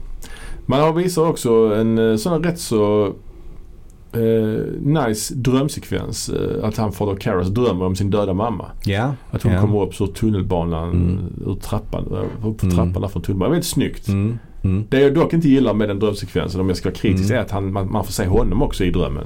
Mm. Att han står och ropar på henne. Mm. Alltså man får liksom se honom utifrån. Alltså Mm. precis som att han ser sig själv utifrån. Mm. Det är inte så vanligt man gör det i drömmar kanske. Nej. Nej. Det tycker jag, det gillar inte jag riktigt. Men det är bara nitpicking här nu liksom. Mm. Nej men det har du rätt i. Eh, ja, men i alla fall hon, hon blir sjuk och de tar henne på medicinsk eh, behandling. De ska, tror Mm. det är fel på henne liksom rent fysiskt, att det är någon tumör eller någonting Mm. i hjärnan. Och de ska göra ingrepp och kolla det liksom. Och hela den sekvensen tycker jag är väldigt snygg. Den känns Eh, nästan dokumentärt alltså.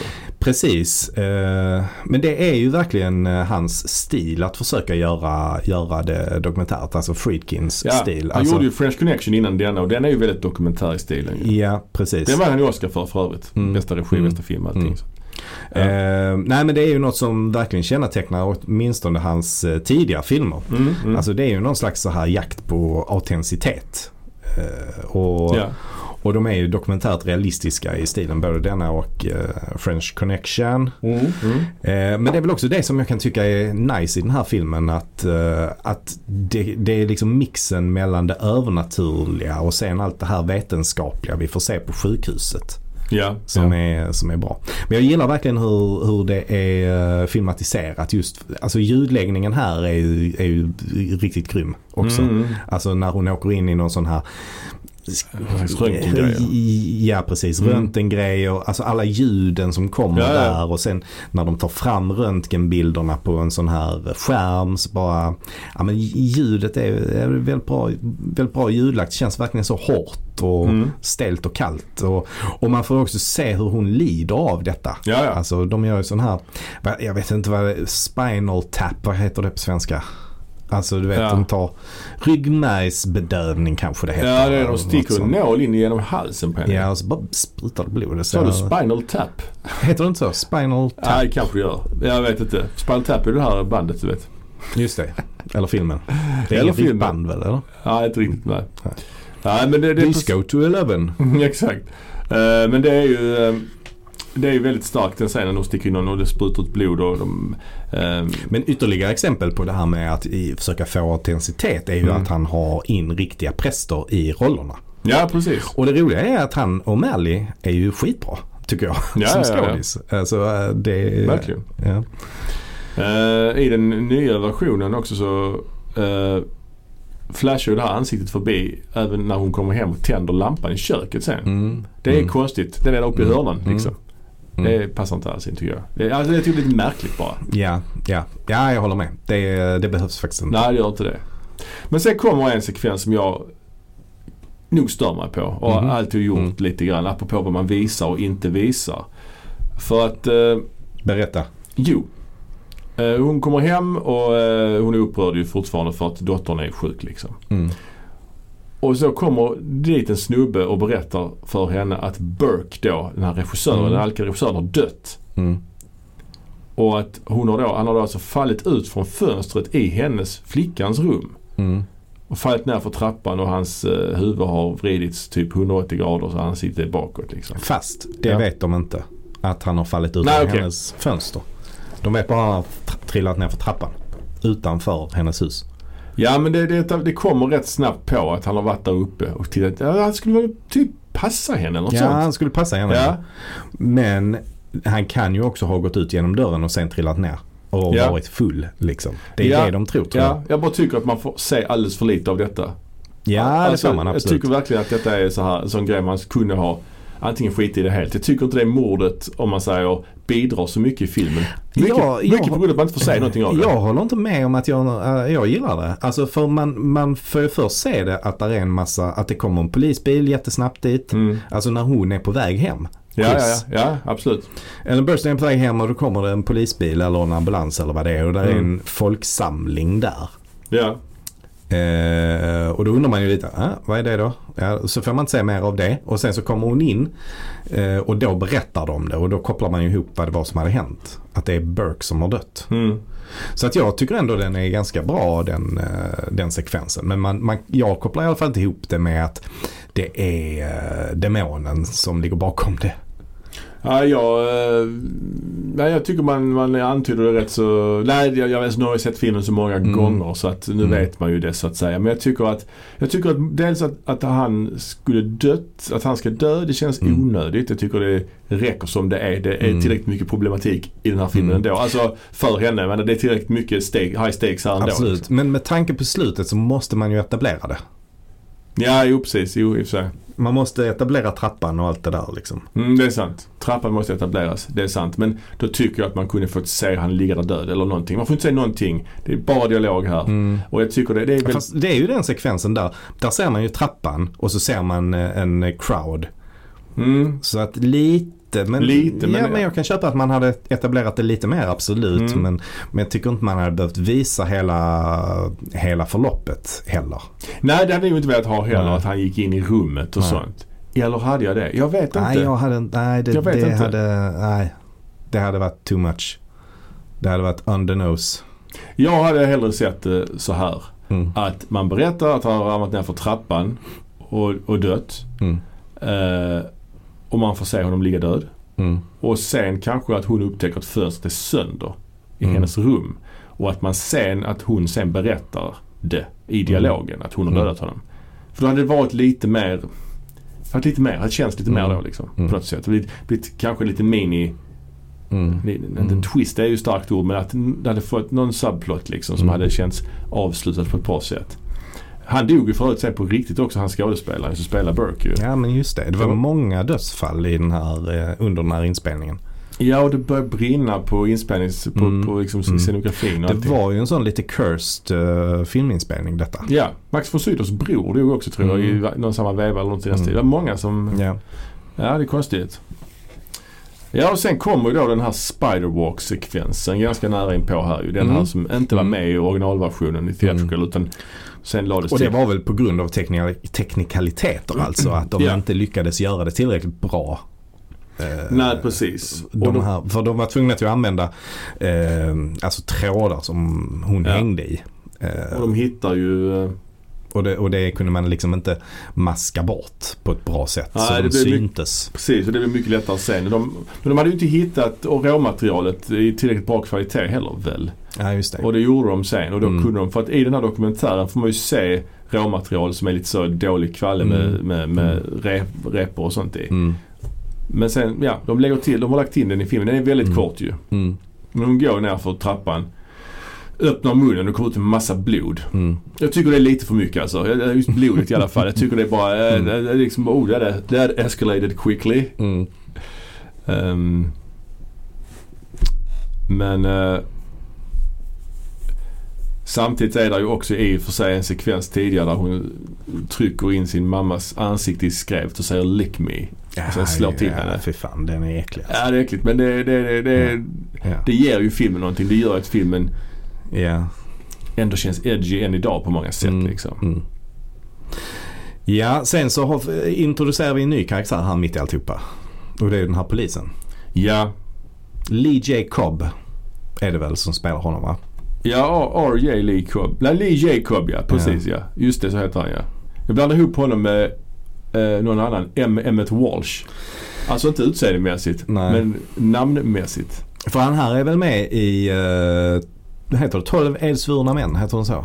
Ja, 12 12 Angry Angry Men. Ja, ja, ja just det. Det är ja. väl där man eh, mest känner igen honom från tror jag. Ja, han är också med On the Waterfront. Han är ändå lite lik William Holden. Lite. Vet du vem jag tycker han är lik? Ha? Eh, jag har tappat namnet. Men eh, han, han är väl också med i On the Waterfront. Som har rätt så kraftig näsa. Ja, Carl Malden. Carl Malden, just det. Eller nej, de är inte lika alls. lika. Nej, de är inte alls lika.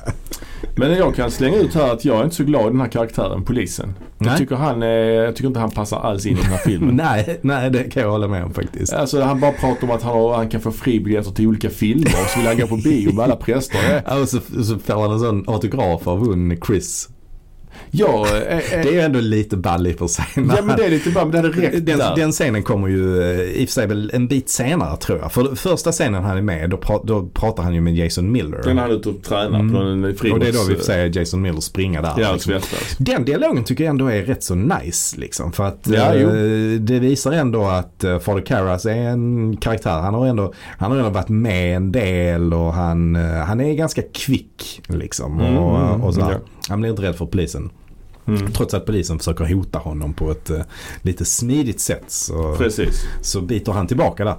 Ehm, så att jag tycker ändå det är ganska meningsfullt där. Plus att det bygger upp ytterligare en slags spänning när vi Mm. får, alltså, för han, han är ju ändå på något sätt och vis ett slags hot, är han inte det? Mot, mm, Ja, man kunde spela, dem. spelat mer på det kanske. Att Mm. han, eh, vad, vad håller ni på med? Vad, vad är det ni håller på med? Den här Mm. exorcismgrejen. Att det Ja. här är, känns lagvidrigt. Ja. Men det gör man ju inte i sig. Nej men för det är väl lite det man är rädd hela tiden. Att, för vi får ju hela tiden följa Chris och hennes dotter och de Mm. provar alla möjliga olika saker. Ja. Ingenting funkar. Det här är den, den sista utvägen med exorcismen. Ja, de provar ju typ hypnos också väl? Ja, ja. Ja. men det går inte alls bra. Nej. Nej. Nej. Eh, men, men så i alla fall så, eh, så man är ju hela tiden rädd att han ska komma där och stoppa hela processen på något sätt. Ja, ja, man vill, de vill nog att man ska vara det ja. Mm. Men han känns ju som en uh, liten, uh, alltså han känns ju som en, liksom, något av en lallare. Mm, Alltså han går omkring och bara glider runt. ja. Och säger att han kan få biljetter till de bästa filmerna. Ja. best, best shows in town. Men det är ändå jävligt roligt när han, eh, när han intervjuar henne då, Mm. Chris. Och, så, och så frågar han då om han kan få en autograf till sin dotter. Och så Ja. frågar Chris, ja vad är din dotters namn? Och så bara It's Ser for me. It's for me. Men jag, jag tänker att det finns ju någonting här att han kanske är intresserad av prästerna. Att han kanske är homosexuell. För Han säger att hans fru, hans fru vill inte gå. Eh, hans fru vill inte följa med på biograf. Hon Oj. tycker det är jobbigt ju. Oj, Karsten. Och att han då hela tiden bjuder ut präster. Alltså, han bjuder, han bjuder hur, kan, du- hur kan du ens tänka ut denna fantasin alltså? Detta Nej men om du har en kille, en karaktär som i samma film vill bjuda ut två präster på bio. Och gärna går i armkrok med dem också. Ja, det gör han faktiskt. Alltså han liksom Ja. fysiskt kan röra vid dem Ja. hela tiden. Ja. Ja, nu har du övertygat mig. Så Kan är det, vara så, så, kan så vara så. Nej men skämt åsido. Jag, jag känner väl att... eh, Alltså den- jag tänker också på Friedkin. Mm. Eh, vi nämnde ju att efter den här filmen så gjorde han ju eh, Sorcerer som inte gick sådär hundra. Ja det har vi gjort ett avsnitt om också Mm. ska vi säga. Mycket Ja. trevlig film. Och sen efter det, vad gjorde han sen? Filmen Cruising. Cruising Just och vad handlar den om? Ja, det handlar om eh, en mördare i gayvärlden va? Och Ja, så ska Al precis. Pacino gå in undercover som gay då. Mm. Den är, jag har inte sett den någon gång men den är väl ganska den hade man inte gjort idag så att säga, den filmen. Va? Alltså... den är väl inte så jo. väl emottagen av the gay community Nej, men det var ju innan den hade gjorts framförallt. Okej. Och Det var ju för att, eh, ah, men, men det var ju inte bara det heller. Det var ju filmbolagen var ju, var ju också rädda att göra ett film, en film på det här temat. Ja, ja. Jag vet heller inte om aids-epidemin hade, Nej, den hade inte tagit fart då. hade ta, tagit fart. Men, Inte riktigt. Nej, nej. Men, men jag har sett den. Men Mm. jag tycker ändå det är en habil film. Alltså, Ja. Eh, tycker jag. Jag tycker den är jag tycker inte den är lika bra som eh, hans övriga filmer. Alltså, eller hans tidigare filmer ska, jag, ska jag säga. ja, precis ja. ja. Men, eh, men jag tycker ändå helt klart att det är en bra, bra rulle. Liksom. Ja, jag får kolla det, ty- det tycker jag. Jag vet Mm. att Arrow har gett ut den Mm. till exempel. Jag har den också så du kan låna den med. Ja, det kan jag. Kan jag. Ja, hur som helst i alla fall. Polisen är ju eh, etablerad också. Ja. Eh, och nu kommer vi fram till en annan berömd scen. Krucifixscenen. just det. Den är ju... eh, Och den är ju magstark kan man magstark, väl ändå ja. säga. Där är ju, det liksom eskalerar. Det är ju eh, Lick Me. Där Mm. är den här eh, hypnosscenen där hon, där hon börjar bli någon annan. Man ser, Mm. hon börjar få ett annat uttryck. Hon börjar bli lite Mm. mer, sitter stilla och stirrar och Mm. morrar. Och, de har till och med lagt in ett sånt CGI-morph i hennes ansikte i den här nya versionen. Jaha, som är okej. se- so-so. men, men sen kommer krucifixscenen och där lät man ju en stand-in utföra Mm. en del av de Mm. eh, vinklarna där. Ja. Det är att hon helt enkelt... eh, Även om man inte får se så mycket väl? Eller? Nej, det, nej, nej. Men, men det är ändå... Alltså jag tycker ändå det är en ganska edgy scen alltså. Jo, jo. Och jag tycker ju absolut inte att en 12-åring ska göra det heller. Nej, det, det är inte att rekommendera. Jag Mm. visade den här scenen faktiskt för mina elever. Jag är ju filmlärare så du Mm. vet. När jag hade en liten eh, lektion om kontroversiell film. Mm. Och tänkte jag, Mm. jag, men jag var så här, ska jag visa detta Mm. ens? Mm. Kan jag visa det här Det, för... det förstår jag. Det Ja. förstår jag. Ja. Men de bara tyckte det var ingenting. De var helt... ja, helt, de, nej, de, men de, var alltså- helt, de var helt jaded. Ja, nej Ja. men jag tror absolut att den är inte så kontroversiell idag. Men då, 73, så var Ja, den det. ja. Alltså, för det har hänt så mycket efter detta. Ja, alltså. Vi har till exempel, eh, hette det Piss Christ eller? Ja, ja han Serranus foto. Serranos fotografier till exempel. Alltså Peace Christ kan man ju tycka är skändar liksom Mm. Jesusfiguren Mm. och så vidare. Och detta här ska vi komma ihåg också är ju en mainstream-film. En stor Warner Brothers produktion liksom. Mm. Mm. Och att göra en sån här scen i en sån film det är ändå Fan, Mm. det är ändå eh, oväntat Mm. att de fick ha med Mm. det. Det är ju med i Mm. boken liksom. Att ha med det i filmen är en annan sak ju. Mm. Jag tror Blatty själv var lite tveksam på att ha med den här scenen i filmen. Vann det? Jag Mm. tror det alltså. Mm. Mm. Det är ju alltså då att hon eh, tar ett krucifix och eh, för in det i mellan benen. Ja. Ganska hårt Ja. så det börjar blöda och så skriker hon Let Jesus fuck you, fuck me, fuck me, fuck me och så vidare. Ja, ja. Det är, och mamman bara skriker i, i chock liksom. Mm. Ja, Ja, det, det är- det, det är starkt alltså. Ja, det är det. Och då tänker de att vi måste ha hjälp av den här prästen och då Mm. är det ju en sekvens när Father Karras kommer dit. Eller de Mm. träffas ute först ju. Hon tror Mm. att han är någon slags aut- autografjägare. Då så berättar han vem han är och Mm. sen börjar hon berätta om bakgrunden och att eh, hennes dotter är då besatt. Ja, det, är, det är starkt. Även om vi Mm. redan vet, att, vet allt hon ska säga så blir det ändå Mm. eh, en bra scen liksom. Mm. Ja, nej, men jag tycker också Ellen Burstyn eh, blir ju jättebra i den här, särskilt liksom Mm. I den här senare delen av filmen. Ja. Där, där hon, för nu har hon ju också fått lite på käften ju, av, Ja, och- av Reagan så hon eh, har ju blåtira och sånt. Ja, liksom. visst, visst. Eh, Ja men man, man eh, känner av hennes lidande verkligen. Alltså en hemsk situation är hon ju i. Ja. Alltså även om, även om det här alltså med att hennes dotter är besatt av en demon. Det är ju kanske inget man kan relatera till direkt. Nej. Men man kan ändå relatera till hennes smärta. Ja, ja, gud ja. Alltså eh, Jo men precis. som Och, hon har där i den scenen. och där är ju också en sekvens där eh, dotterns huvud vrids också Mm. Mm. 180 grader. Så. Mm. Och det är ju någon slags hint då om att hon har dödat honom. Ja. Fattar jag det som. För att hon säger You know what you did? Your Mm. hunting daughter. Ja. Det är då att hon har dödat honom Ja. och vridit hans... Uh, uh, uh, Nu kommer en sån teknikalitet här. Alltså, Ja. För den, nu imiterade ju den rösten väldigt bra där ju. Ja, det är brittiska. Ja, Kanske är det, det- samma skådespelerska som gör det som allt det andra? Oklart. Jag tror snarare att hon ska kanske låta som han Burke Dennings där. Mm. Kanske. Mm. För att eh, han var ju britt. Men han är, var inte han amerikan? Nej, han är britt. Han är britt, ah, okej. Han är sån ja. riktig sån eh, Peter O'Toole-figur. Ja, okej. Eh, så Ja. kanske det. Och då ska, för jag, jag, jag kan tycka, det är en väldigt känd den sekvens när huvudet vrids Mm. om. Jag kan tycka Mm. att det är lite, den har inte åldrats så bra. Men det är ju obviously a dummy. Ja. Det, det, den är lite för mycket. Mm. Eh, men eh, där är sen en sekvens som jag älskar. Jag älskar. Det, det är ju Mm. när eh, Father Karras får träffa Reagan för första gången. Mm. Och då har hon ju förändrat rätt mycket utseendemässigt också. Hon har ju en massa sår i ansiktet och Mm. de har bundit fast henne i eh, sängen. Mm. Det är roligt. Och nu har hon ju ögonen och sånt är förändrade också. Ja visst. Det är verkligen full on demon. Ja men det är, ja precis. Och det är, det är nasty. Och det är roligt han eh, tyske, eller han schweiziske betjänten Ja. sitter utanför och säger Ja. It wants no straps liksom. Hon säger, han Ja. tilltalar som, om, omnämner henne som It. Ja, ja. Inte, inte She liksom. Är det då hon säger repliken eh, Your mother sucks cocks in hell? Ja, Eller är det lite senare? Ja, lite senare. Är senare, Men däremot ja. imiterar hon ju någon, den här uh, uteliggaren i tunnelbanan. Can you Ja. help your little boy father? Just det. Det var en just uteliggare, riktig uteliggare de Ja. hittade som de ville Ah, verkligen ha. okej. Och han var ju jättesvår att jobba med ju för han var superfull. Men de lyckades få det men sen visade det sig att ljudet inte funkar så de fick göra om det eftersynkade med honom. Mardröm.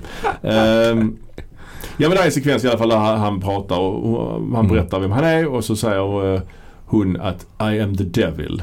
Mm. Eh, och säger han om du är djävulen varför, varför eh, tar du inte dig fri då? Då säger han it would, sä- säger Reagan it would be a vulgar display of power. Mm. Och ett, Gammal eh, Pantera-platta. Exakt, det är mycket, Mm. mycket så här hårdrocksreferenser i den här filmen. Ja det är det ju. Det är det ju.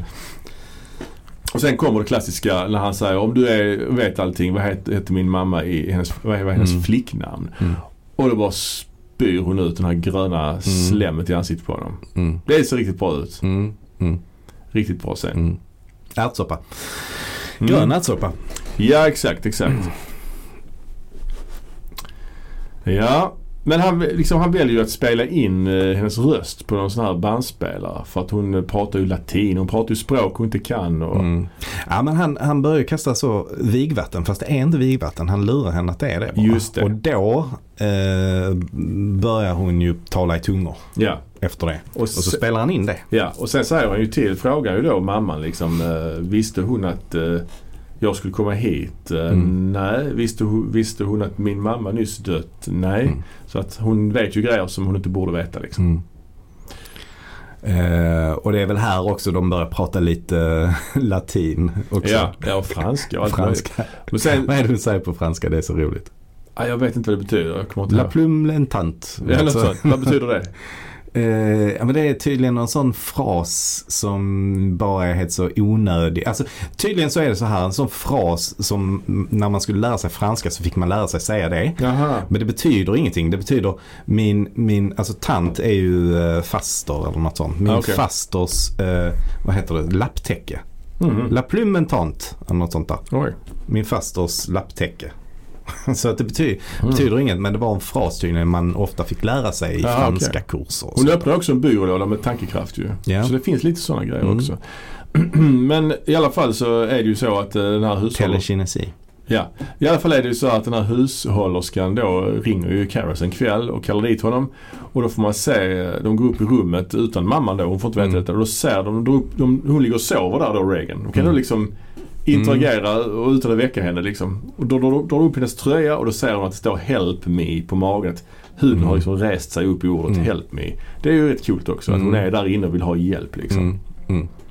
Ja och det är ju där och då som Karas verkligen bestämmer sig för att gå vidare med det här och faktiskt tillkalla en exorcist ju. Ja, och han lyssnar också på banden och där hör Mm. han ju namnet Marin. Marin. Ja. Och då får vi äntligen eh, se Max von Sydow Då får vi igen. se honom igen ja. Ja, och då får vi den här ikoniska bilden när han kommer Ja. dit ju. Först är det en lång serie med några präster som diskuterar Marin och berättar lite om honom. Att han, han höll på att dö i Afrika. Han gjorde en exorcism i flera månader och massa ja. sånt. Ja. Ja. precis. Ja, det, det, det, det där är lite att skriva på näsan ju. ja. Tycker jag. Eh, men, ehm, men ja, han kommer dit i ilfart med en taxi. Och Ja. så hoppar han av den och så står han där med sin väska och tittar lite. Och så har vi planschen. Ja, precis. Vi får, Väldigt, väldigt fint. ja. Väldigt snyggt. Och sen kommer ju filmens liksom, konfliktförlösning när de här två prästerna, Mm. en rookie och en gammal veteran, Mm. ska tillsammans då utföra den här exorcismen. Och Mm. Han är ju lite svag, Karas. Han har ju tappat tron. Hans mamma har Mm. nyss gått bort och demonen eh, utnyttjar ju det och säger Mm. just de här hemska sakerna om hans mamma liksom för att han ska tappa koncentrationen. Mm. Men det är ju väldigt lång sekvens. Och även då om eh, Marin är ju också svag ju. Det vet vi sedan tidigare. Ja, han exakt. har ju problem med hjärtat och, Ja. och, och sådär. Och han är ju gammal och skröplig. Oh ja. De berättar ju också där tidigare att den exorcismen han utförde i Afrika Ja. var det va? Den tog flera månader tror jag. Eller om det är han själv som säger det. Jo men det säger de, det är precis Ja, så. Ja. ja. Och det är ju det som liksom man spinner vidare på sen i andra filmer Mm. i den här serien. Och man kan, man kan tänka sig ju att han har blivit väldigt medtagen av detta. Ja. Men eh, det är en väldigt stark eh, scen i alla fall när de kastar vigvatten och läser Mm. ur bibeln och den här demonen försöker kontra med Ja. obsceniteter. Ja. Den fortsätter ju spy sån här grön eh, galla på dem. Och det kulminerar ju någonstans i eller kulminerar gör det inte men det är en, en eh, visuellt cool grej är när hon börjar sväva ju. Mm. Det är ju skit, ser skitcoolt ut. Det är skitcoolt och i kombination med att de två står och kastar vigvatten på Ja. henne och säger The power of Christ compels you. Ja, de säger Om och om och om och om igen. Power of Christ that compels you. The power of Christ. The power of Christ compels you. The power of Christ compels you. The power of Christ compels you. The power of Christ compels you. The power of Christ compels you. The power of Christ compels you. The power of Christ compels you. The power of Christ compels you. The power of Christ compels you. The power of Christ compels you. The power of Christ compels you. The power of Christ compels you. The power of Christ compels you. De tar det nästan för långt där. Nej, nej det tycker jag inte. De Jag tycker, det är jävla- perfekt. jag tycker det är perfekt. De säger det så jävla många gånger. Ja det gör de. Men det är ju det som gör det. Ja, det, är det det, som- det, det- är det som är hela grejen. Hade du bara sagt det en gång så hade ju inte, Ja. ingen hade ju, det hade ju inte blivit så coolt som det blir. Nej fast det som jag stör på lite grann är att de har en, en, en vid bild bara. De klipper inte så mycket i detta. Nej, det så de ser lite töntigt ut och de står där nere och hon hänger där uppe. Power Christ compels you. och så lite så. Power Christ compels you. Ja. ja men man märker ändå hur, ja, men man märker ändå hur, hur jävla jobbigt det är för dem också. Att, Mm, att, att de knappt orkar med det. För de är ju först inne och har en session med henne. Där de, Ja. där de försöker driva Ja. ut demonen. Men sen så blir det för mycket och då måste de gå ut. Ja. Och så sitter de där och vilar sig lite. Och pratar lite. I en scen som var Mm. bortklippt också Mm. i Theatrical. Där de pratar om varför den här flickan. Och så tycker jag är en bra scen. Tycker jag med. Jag fattar inte Ja. varför de tog bort den. För jag tycker att den är liksom, den ger någonting verkligen. Mm. Och sen Ja. går de in igen. Och så gör de detta. Ja och där tappar ju Damien det. Han heter ju Mm. Damien Karras. Det är roligt att Mm. heta Damien precis som, Mm. precis som onda barnet i Omen-filmerna. Ja, precis. Men eh, då skickar ju Max von Sydow ut honom. För att han, Mm. han, han klarar ju inte det. För att Nej. hon håller på och för- förolämpar hans mamma och sånt. Mm. Så där går det ut. Jag sköter detta själv. Mm. Skulle jag inte gjort. Nej. För sen när han kommer in. Då ligger ju Max von Sydow typ död. Mm. Och hon sitter eh, bara så kvar i sängen. Mm. Det är också lite märkligt. Man tänker att hon ska kanske i en annan film hade hon kanske stått bakom dörren. Mm. Bakom honom och attackerat honom. Här Mm. sitter hon. Mm. Det, Nej, det hade varit upplagt för ett jump scare där ja verkligen. Mm. Men det är inte det. Det tycker jag är kul. Det tycker jag är kul också. Men jag kan ändå gräma mig lite över att, alltså varför får man inte se vad som händer där inne med, med uh, Marin och Ja verkligen. henne. Ja verkligen. Alltså man bara kommer in där och ser man att han ligger där och är död. Och ja.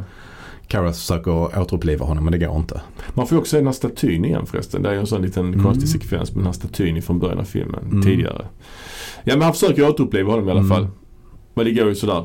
Mm. Och då blir han svinförbannad och bara attackerar flickan och börjar slå henne och säger ta mig istället, Mm. ta mig. Och Och till slut så blir det då att demonen Ja. hoppar in i honom istället. Ja. Och då ser man att han har någon slags inre kamp med sig Ja. själv. Ja. För man ser ju hans ansikte förändras Han ju. får också sådana ögon och sånt. Mm. Men sen Mm. försvinner de ögonen Mm. och så hoppar ut genom fönstret Mm. nerför trappan igen. Mm. Och hon blir vanlig flickan liksom. Ja. ja. Ja, det är en riktigt stark slutscen alltså. ja, ja gud ja. Den kanske inte är perfekt. Nej, jag skulle säga det. Eh, Det, det, det är den inte. Och den här filmen är inte perfekt heller. Det finns ju ingen film som är det. Men jag, jag, jag tycker däremot att den här filmen ändå är ett, eh, på många sätt ett, ett master, masterpiece. Absolut. Ja, det tycker Eh, jag med. Verkligen. Och jag tycker ändå att slutscenen, alltså hela sista halvtimmen, Ja, ja, ja. är jävligt stark alltså. Det är, det är riktigt gud, bra. Ja, verkligen. Och den är ju väldigt snyggt fotad. Ja. Kan- Musiken också. Ja, musiken också. Mike Oldfield ju. Just det, men det är knappt med egentligen. Nej, den eh, kända slingan Mm. Eh, är ju bara med ett par, vid ett par Ja. tillfällen.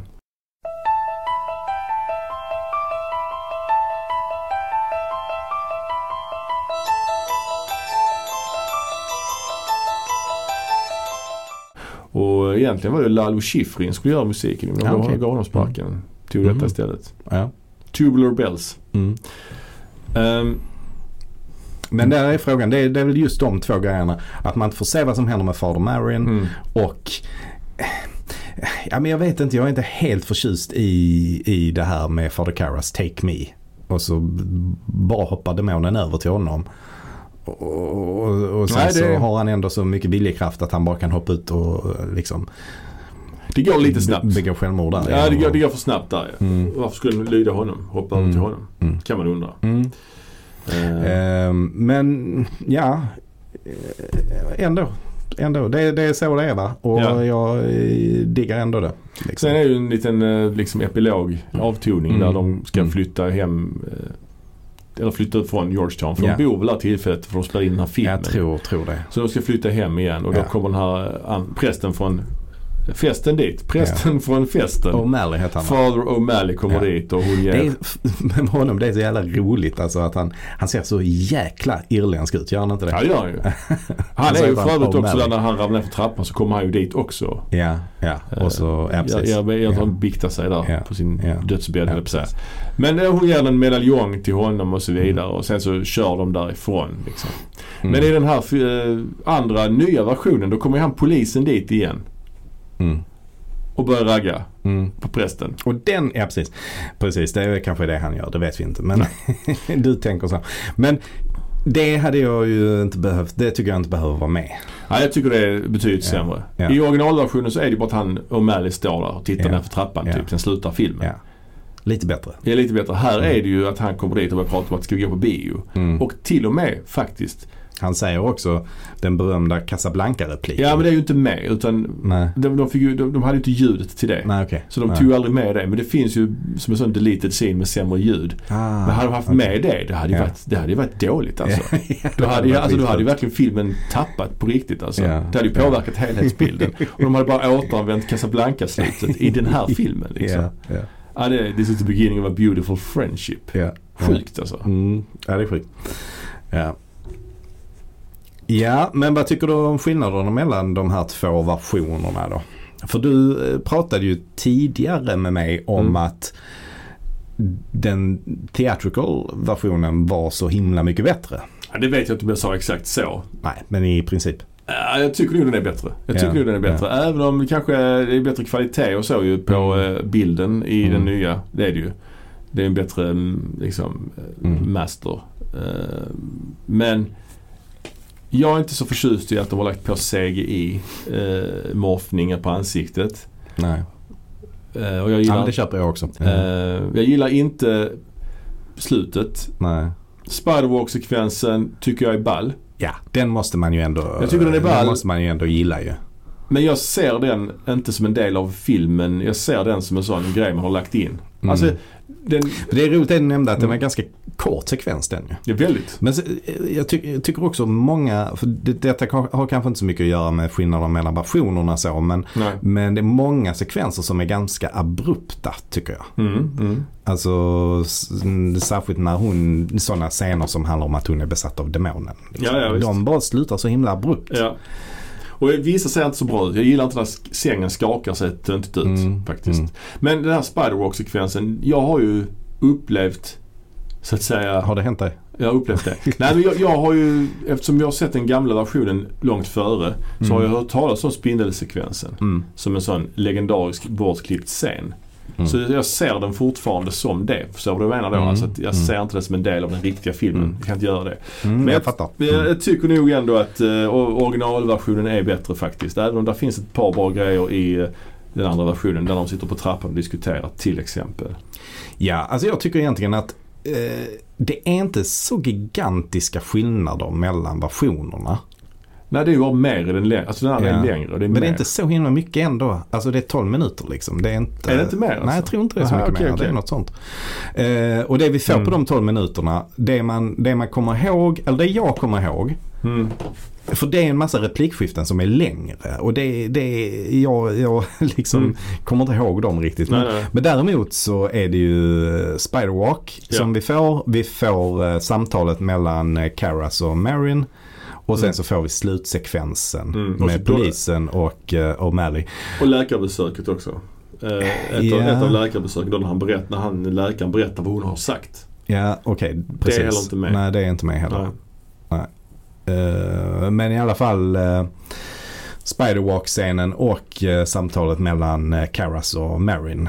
Mm. De tycker jag är bra. De, de hade jag gärna haft med. Där är en scen, förlåt, som är med i Mm. båda versionerna i och för sig. Där det är en Mm. präst som går in i sin kyrka och så är det en sån här Maria-staty som har blivit det. skändad. Just det.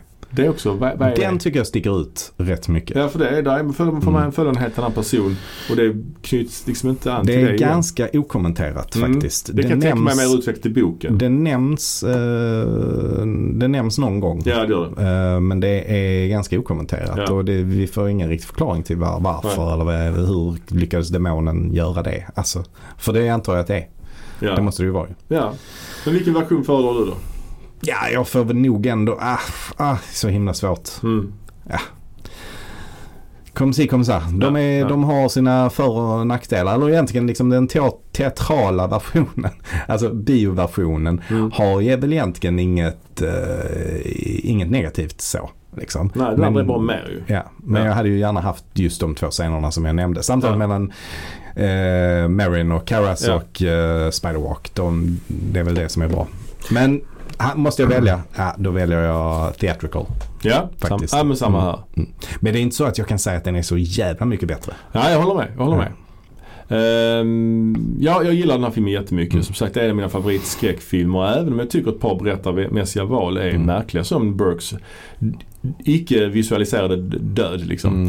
Ehm, Men det är också, jag håller med dig. Jag tycker också den är superbra. Mm. Eh, och sen så är det väl lite det att det är det man får köpa med New Hollywood. Liksom. Att där Mm. är lite konstigheter Ja, kanske som så. de slänger in. Alltså, Mm. För att de kanske kände att de kunde det. Och har man läst boken fyller man kanske i de luckorna Mm. själv. Jag vet Mm. inte. Mm. Så- Men, eh, men hur som helst. eh, Vi eh, vill ju också på sätt och vis hylla Friedkin lite. Även Ja. vi har haft ett ganska eh, omfattande avsnitt där vi pratade om eh, Friedkin. Ja, om Sorcerer primärt där Mm. ju. Det var det här eh, filmerna som dödade New Hollywood hette det avsnittet. Jag Mm. mm.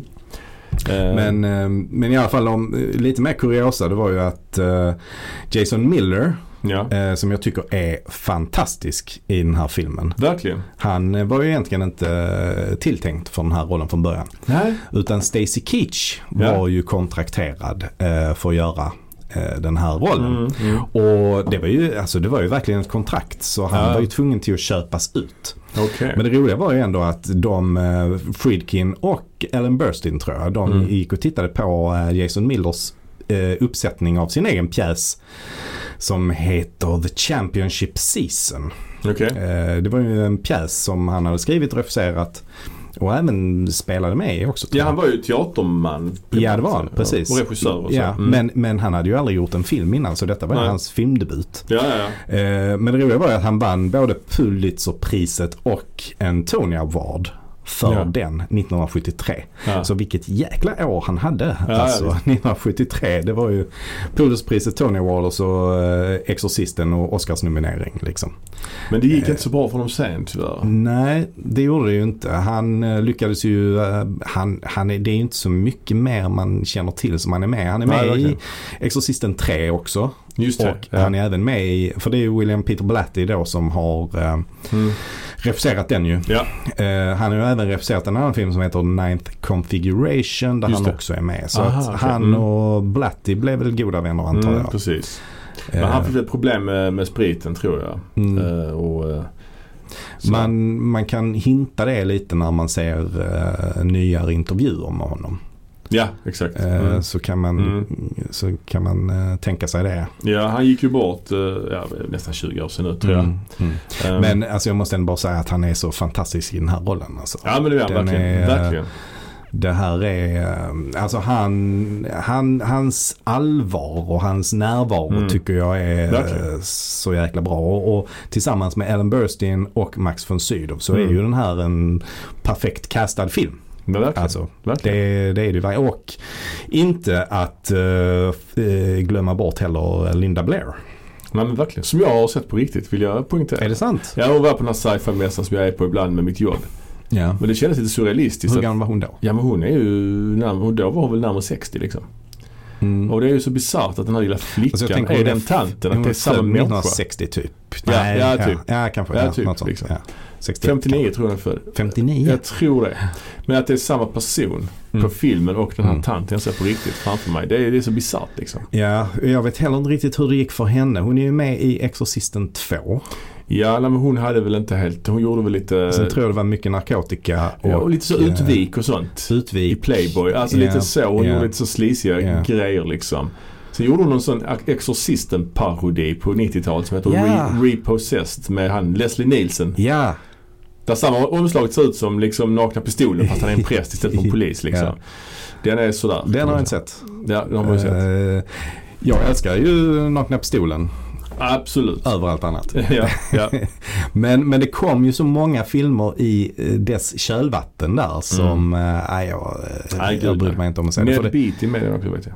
ah, okej. Ja, ja. Men, eh, ja, men den, i alla fall William Friedkin då. Mm. I alla fall. Han, han var ju en i- intressant, intressant karaktär.